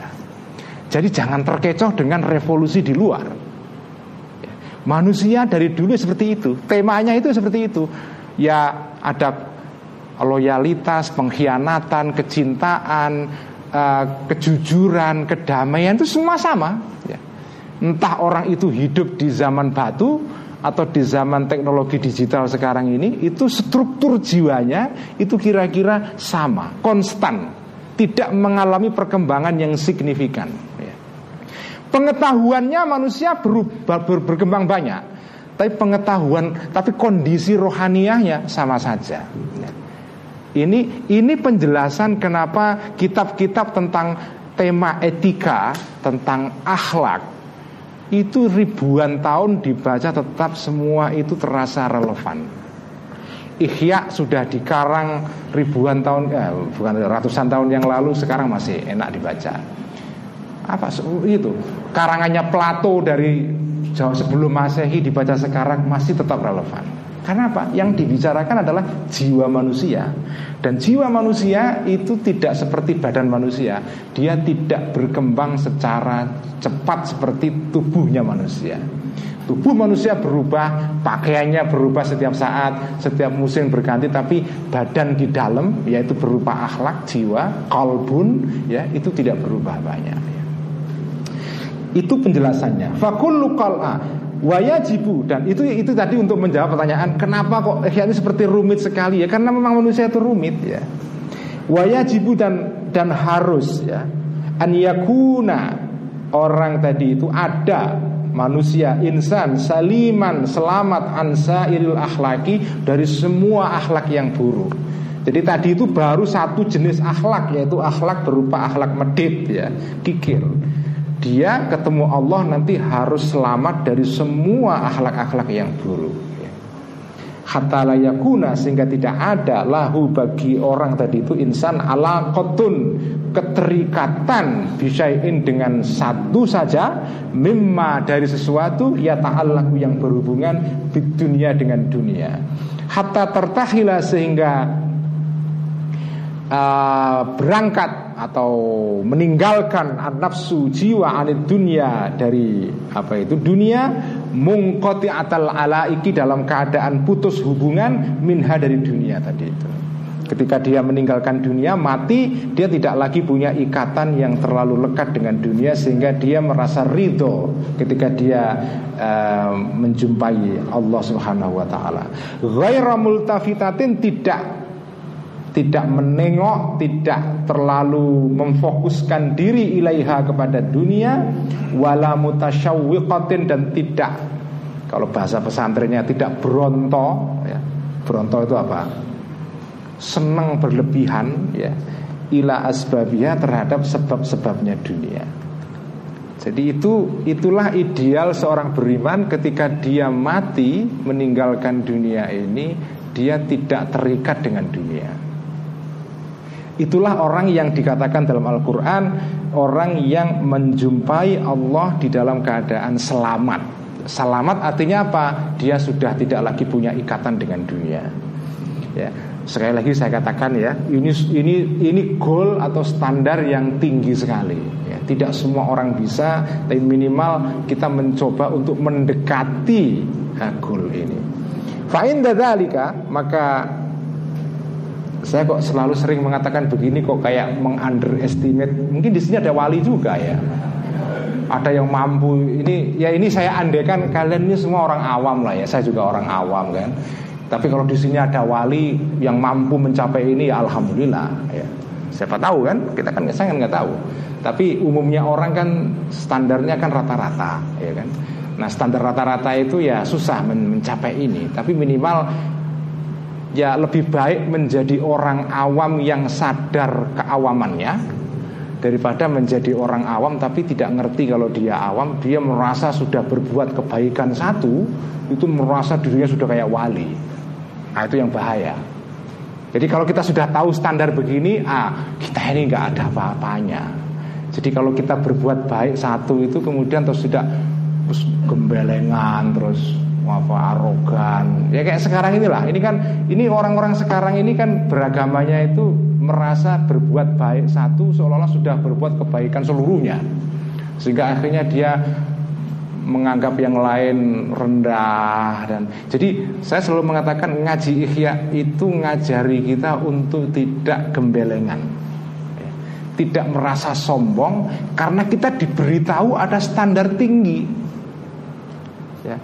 Orang kalau kumpulannya itu orang yang pinter-pinter, dia baca buku satu itu nggak merasa pinter. Tapi kalau ada orang kumpulannya dengan orang bodoh, ya, dia baca buku satu itu sudah merasa seperti paling pinter. Nah kalau kita baca Ihya ini kita dipaksa kita ini kumpul dengan orang-orang yang standarnya tinggi sehingga kita tidak berbuat baik satu baca buku satu itu kita merasa sudah kayak udah kayak dokter dan segala macam. Enggak, ya. Anda ini masih belum ada apa-apanya. Nah, itu aja udah bagus menurut saya. Sadar bahwa makanya Al Ghazali kan mengatakan ada orang manusia kan dibagi bertingkat-tingkat kan. Ada orang yang tahu dan dia tahu kalau dia tahu. Ada orang yang tidak tahu dan tahu kalau dia tidak tahu. Nah, itu bagus semua itu. Nah, yang nggak bagus adalah orang yang tidak tahu, ya, tapi merasa dirinya tahu. Nah, itu itu paling buruk itu. Yang ya ketiga adalah orang yang tidak tahu, ya, orang yang apa? Orang yang tidak tahu tapi dia merasa tahu. Ya. Jadi ada orang orang awam tapi dia merasa alim. Wah itu jelek banget itu. Kalau ada orang awam merasa dirinya alim, itu yang jadi masalah. Tapi kalau ada orang awam tahu dirinya awam, bagus ada orang alim tahu dirinya alim bagus ya.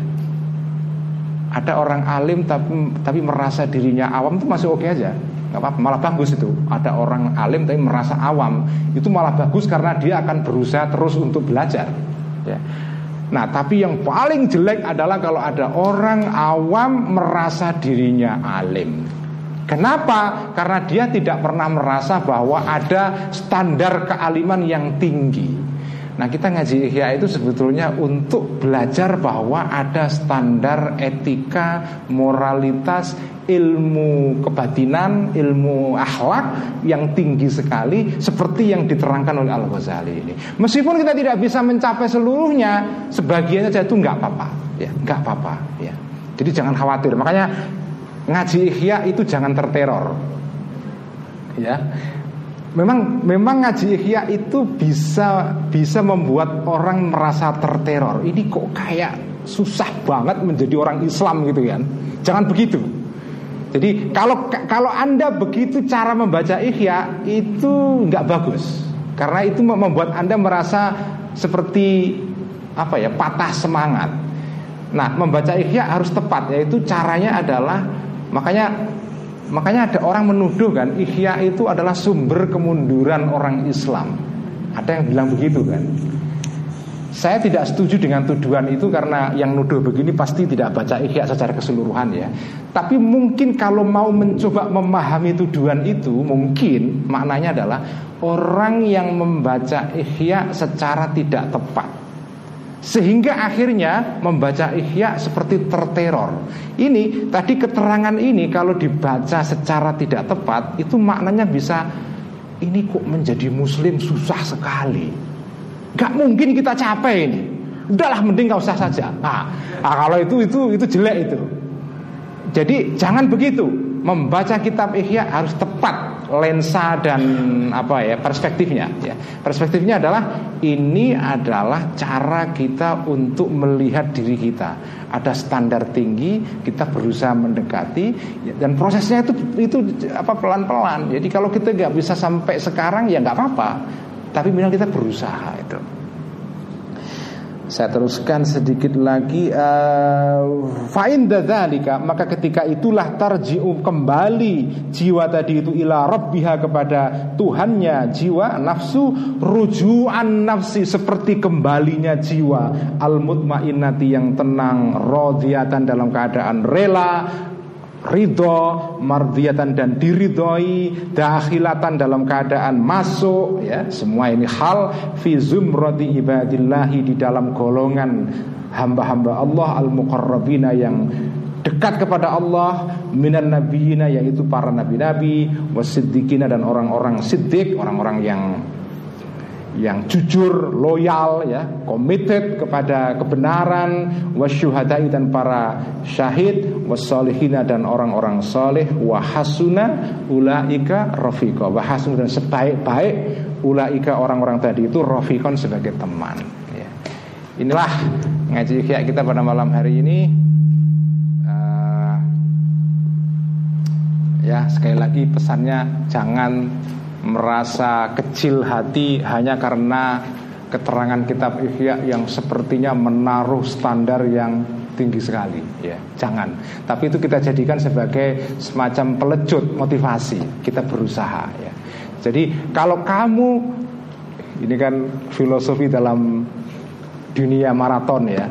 Kalau kamu punya tujuan untuk lari 20 kilo itu ya minimal dapat 5 kilo itu bisa lah. Tapi kalau kamu sudah menaruh dari awal itu Goalnya hanya misalnya cuma 5 kilo Itu nanti ya dapatnya hanya bisa satu kilo.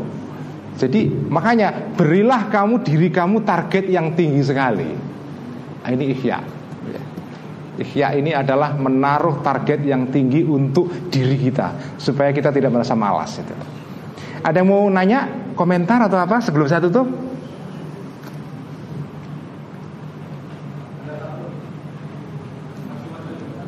Ya, monggo silakan.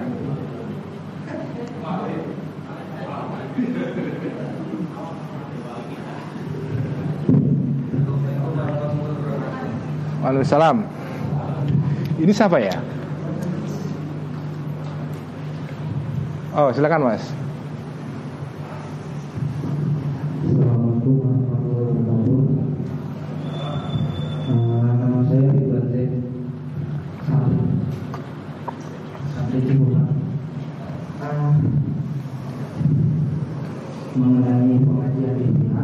Yang tadi diulang-ulang Bu Sulit kan tadi ada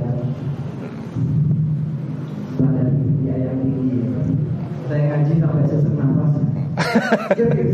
karena saya merasa memang merasa terteror saya jujur merasa terteror sesak nafas di dalam hati maksudnya gini kalau Ihya ini standarnya tinggi. Tadi kan dijelaskan sama Sulit bahwa kita jangan sampai merasa bahwa kita itu nggak mampu Kita itu harus termotivasi untuk mengejar itu Ya.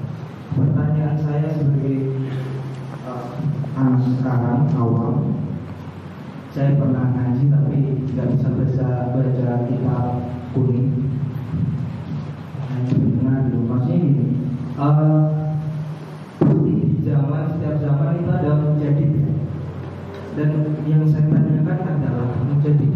sekarang pasti menyesuaikan dengan uh, pikir manusia zaman sekarang disesuaikan dengan standar sekarang. Maksud saya adalah dalam hal ini uh, adakah standar yang cocok?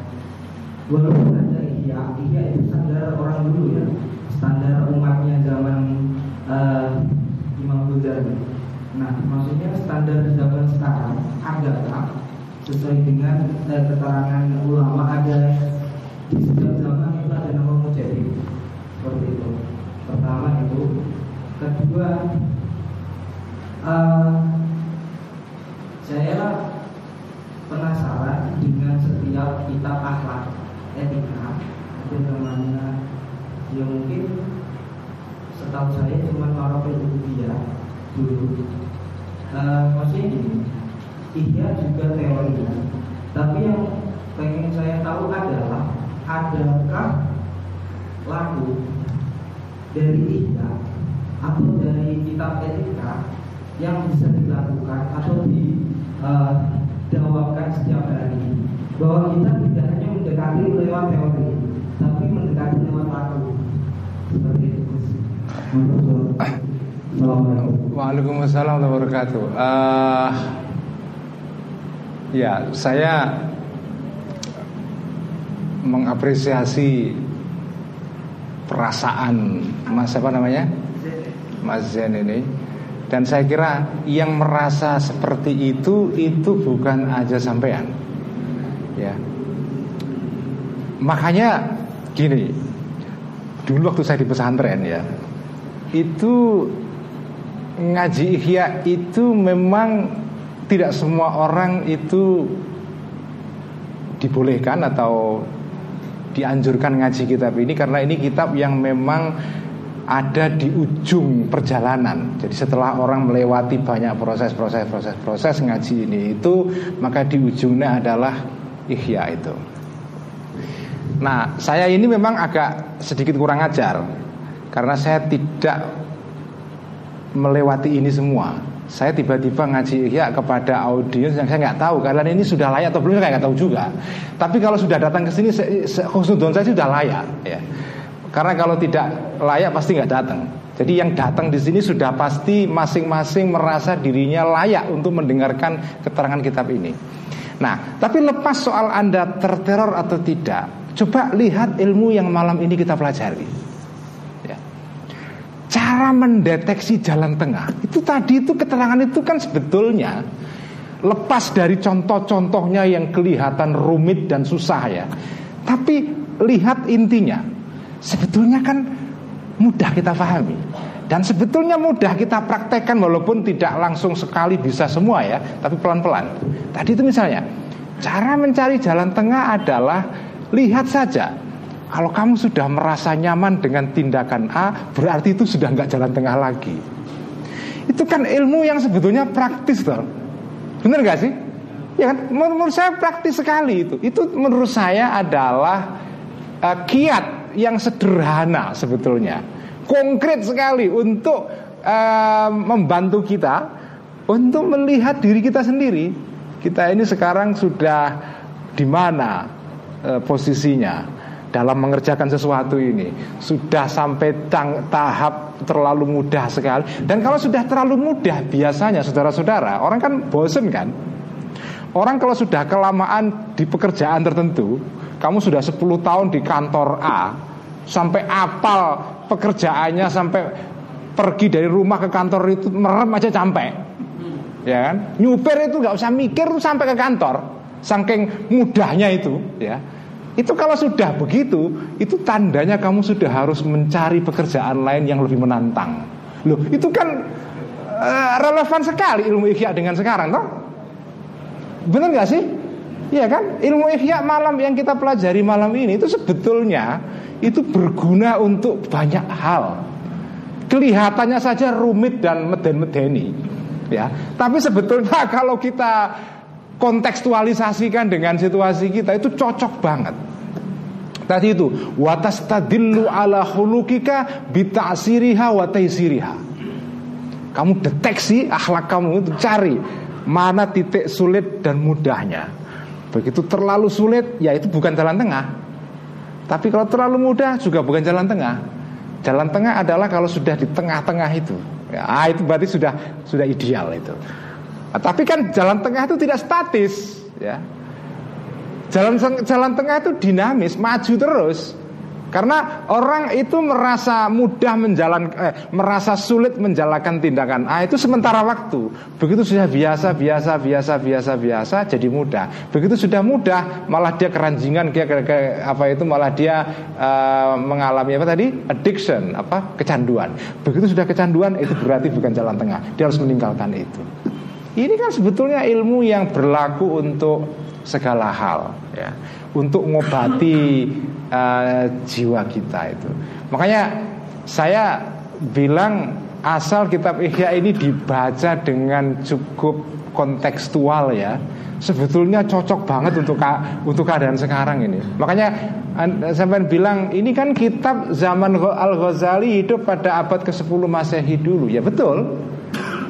Tapi kalau kita bacanya bisa cer cermat ya kita kontekstualisasikan ya, tadi itu ya walaupun sudah seribu tahun yang lalu sekarang masih bisa kita baca kok ya. Dan tambahan pula tadi itu keterangan saya manusia itu jiwanya sebetulnya tidak banyak berubah strukturnya ya. dulu sampai sekarang sama ya, ya ada berubah dikit-dikit aja lah tapi temanya itu sama temanya dari dulu itu sama saja.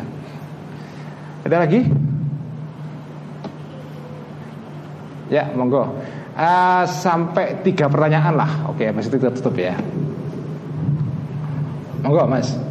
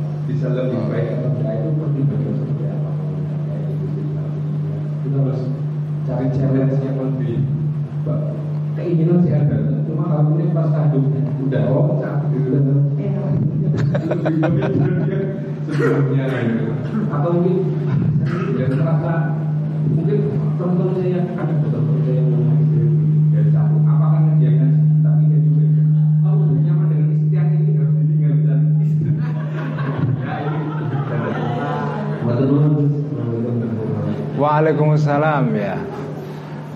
Ya kalau pekerjaan lama ditinggalkan belum tentu juga pekerjaan baru akan bisa mudah dicari kan ya. Ya. Uh, yang kita baca tadi ini, ini kan seperti ini kan kompas ya. Kompas. Kompas itu artinya adalah ini petunjuk. Petunjuk. Tetapi nanti eksekusi dan realisasinya di dalam situasi yang konkret itu itu sebetulnya yang tahu ya, yang bisa memberikan penilaian itu kita sendiri sebetulnya. Karena kita yang menjalani, kita yang melakukan, kita yang bisa mendeteksi. Dan kita yang bisa menilai, misalnya tadi itu jalan tengah ini. Jalan tengah. Kan kata Al-Ghazali Jalan tengah itu adalah kalau suatu pekerjaan itu tidak terlalu mendominasi kamu, juga tidak apa pengak, jadi tidak terlalu dominan kepada diri kamu, juga tidak terlalu tidak dominan. Jadi pekerjaan itu tidak menguasai diri kamu, tapi juga tidak terlalu tidak menguasai kamu. Nah itu kan menilainya kan yang tahu kan kita sendiri.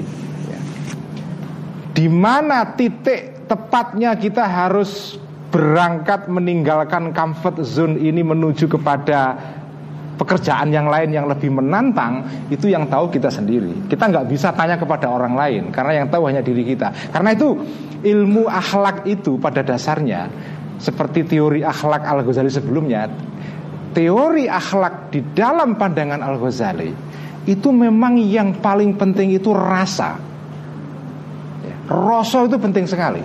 Karena itu karena zaman kalau baca kitab autobiografinya Al Ghazali, Al Mungkith Minad Dolal, itu di situ Al Ghazali berbicara tentang sejarah perjalanan beliau sampai nulis nulis kitab Ihya itu seperti apa.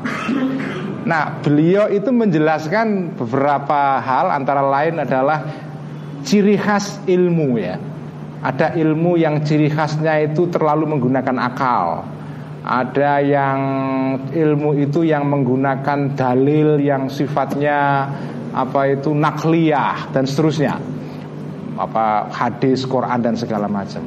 Nah ada ilmu yang namanya ilmu tasawuf ini yang kita bacakan ini tasawuf ini. Ikhya ini kan tasawuf. Nah kitab Ikhya ini masuk di dalam kitab tasawuf. Nah di dalam tasawuf itu jalan yang metode yang dipakai itu bukan akal ataupun juga bukan dalil yang sifatnya tadi itu apa? Quran dan hadis ya. Tentu saja itu penting juga. Dalil akal dan dalil Quran hadis itu penting. Tapi yang jauh lebih penting adalah Di dalam ilmu akhlak ini adalah rosok Yang disebut oleh Al-Ghazali dengan Al-Hadas Rosok Karena itu contohnya ini Jalan tengah ini di mana orang tahu kalau dia di tengah dan di mana dia tahu kalau dia jauh dari jalan tengah. Itu semua yang tahu hanya kita dan itu dengan perasaan. Karena kan tadi itu cara mendeteksinya kan pekerjaan itu sudah terasa ringan atau belum. Kalau sudah terlalu terasa ringan berarti itu gampang sekali. Nah itu tandanya kamu sudah harus pindah ke pekerjaan lain yang sedikit lebih susah. Nah pekerjaan apa itu? Yang tahu juga kamu sendiri. Karena yang mengetahui kemampuan kita kan kita sendiri.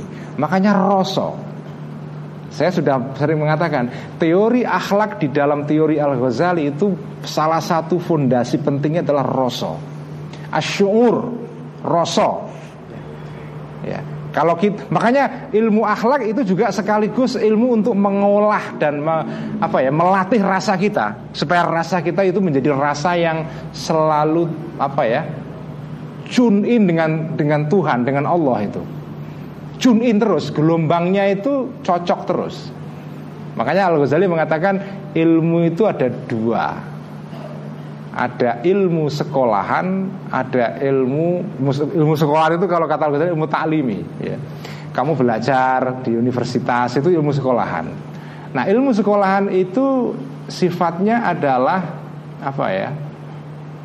Ya butuh guru, ada guru.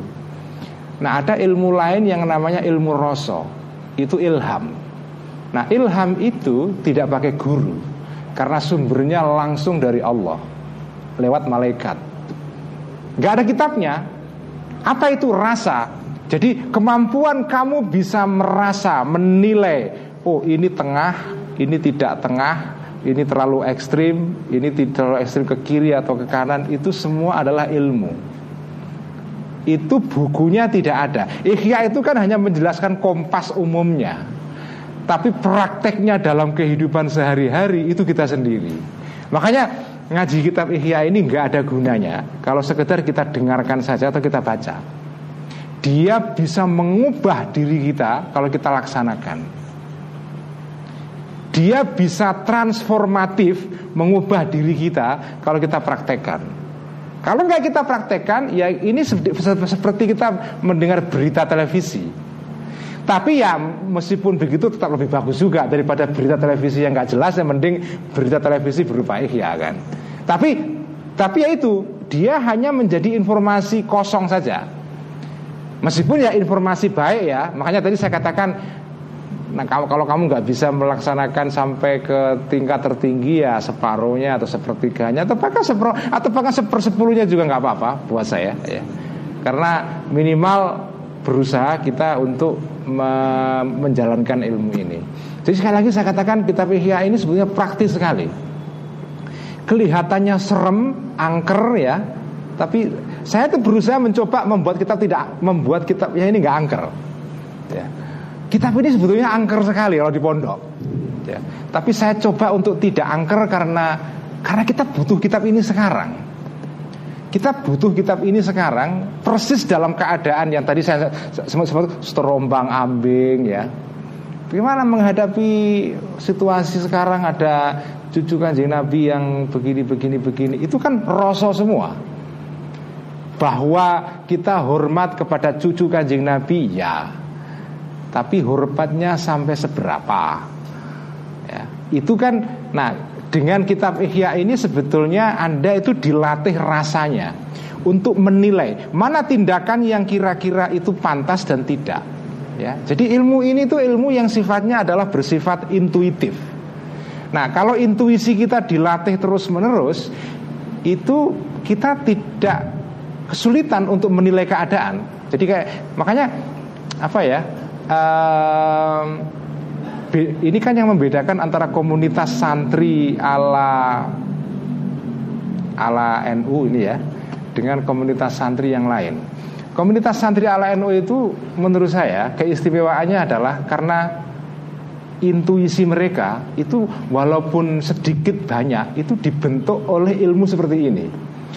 Sampai semua ini ya atau umumnya santri-santri yang atau komunitas yang disebut dengan komunitas Nahdiyin itu walaupun mereka tidak pernah ngaji kitab Ihya langsung tapi mereka itu mendengarkan keterangan dari kiai entah pengajian entah ceramah entah apa. Jadi tanpa disadari kita pun tuh kita orang-orang Nahdiyin itu ngaji Ihya. Karena ilmunya kiai dari sini semua. Semua kiai di pesantren itu ilmu akhlaknya itu ya Ihya entah versi yang dipermudah seperti tadi itu Marakul Ubudiyah atau Bidayatul Hidayah atau Minhajul Abidin atau macam-macam. Tapi itu kan itu sebetulnya induknya kan ihya. Ya. nah orang yang pernah belajar seperti ini mas ilmu seperti ini itu tindakannya itu tidak terlalu didorong oleh apa ya oleh emosi yang berlebihan Makanya makanya selalu saya mengatakan ikhya itu adalah cara terbaik untuk melakukan deradikalisasi. Kalau Anda ingin menghilangkan sifat radikal yang negatif ya, karena juga ada juga radikal yang positif. Ini radikal yang negatif, maka kitab Ihya itu cara salah satu cara terbaik menuju ke situ. Nah orang yang mengaji kitab akhlak seperti ini Itu yang dilatih itu intuisinya Karena kata Al-Ghazali Tasawuf itu adalah melatih intuisi. Teori akhlak Al-Ghazali itu teori intuisi.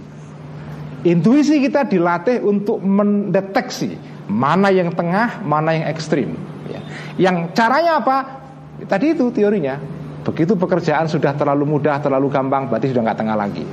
Itu kan rasa yang bisa, itu kan nggak ada kaidahnya nggak ada apa ya standar objektifnya kan nggak ada karena masing-masing orang kan apa yang mudah bagi saya belum tentu mudah bagi jenengan toh Iya kan? Mungkin yang mudah bagi bagi Mas ini bukan susah bagi saya. Masing-masing orang punya keadaan yang beda-beda. Itu namanya intuisi. Itulah namanya ilmu akhlak e, ala ihya itu. Nah, masing-masing orang punya penilaian sendiri-sendiri tentang tadi itu jalan tengah itu karena masing-masing orang punya situasi yang beda-beda ya. Tapi apa pun situasinya, kamu menilai dengan intuisi yang benar. Apa modalnya tadi itu? Gampang dan susah. Ya. Terlalu gampang berarti tidak jalan tengah. Terlalu susah tidak jalan tengah. Jalan tengah ya di tengah. Begitu kamu sudah terlalu gampang, tinggalkan itu. Terus itu. Ini ini buat saya keren sekali ya. Ini panduan apa ya? Panduan etis sehari-hari. Panduan akhlak sehari-hari. Bisa Anda praktekkan di dalam situasi apa pun, ya. ya. Dalam apa perkara apa pun, ya. Itu seperti ini ya. Pokoknya sesuatu yang sudah terlalu terasa mudah, terlalu gampang, itu berarti dia sudah tidak jalan tengah lagi. Saya kira cukup ya malam ini. Eh, nggak e, ada lagi kan yang nanya ya. E, semoga ya kita bisa lah ya berusaha untuk mempraktekkan e, kiat sederhana untuk menjadi orang yang berakhlak ya ala al Ghazali ini dan kita bisa mendapatkan berkah dari sini dan sampai ketemu lagi di ngaji ikhya yang awal bulan di bulan Maret bulan depan insya Allah dan kita akan ngaji lagi di sini pada malam Jumat pertama bulan Maret. Saya nggak tahu tanggal tanggal berapa. Sekian mari kita tutup pengajian ikhya malam ini dengan bacaan hamdalah. Alhamdulillahirabbil alamin. Wassalamualaikum warahmatullahi wabarakatuh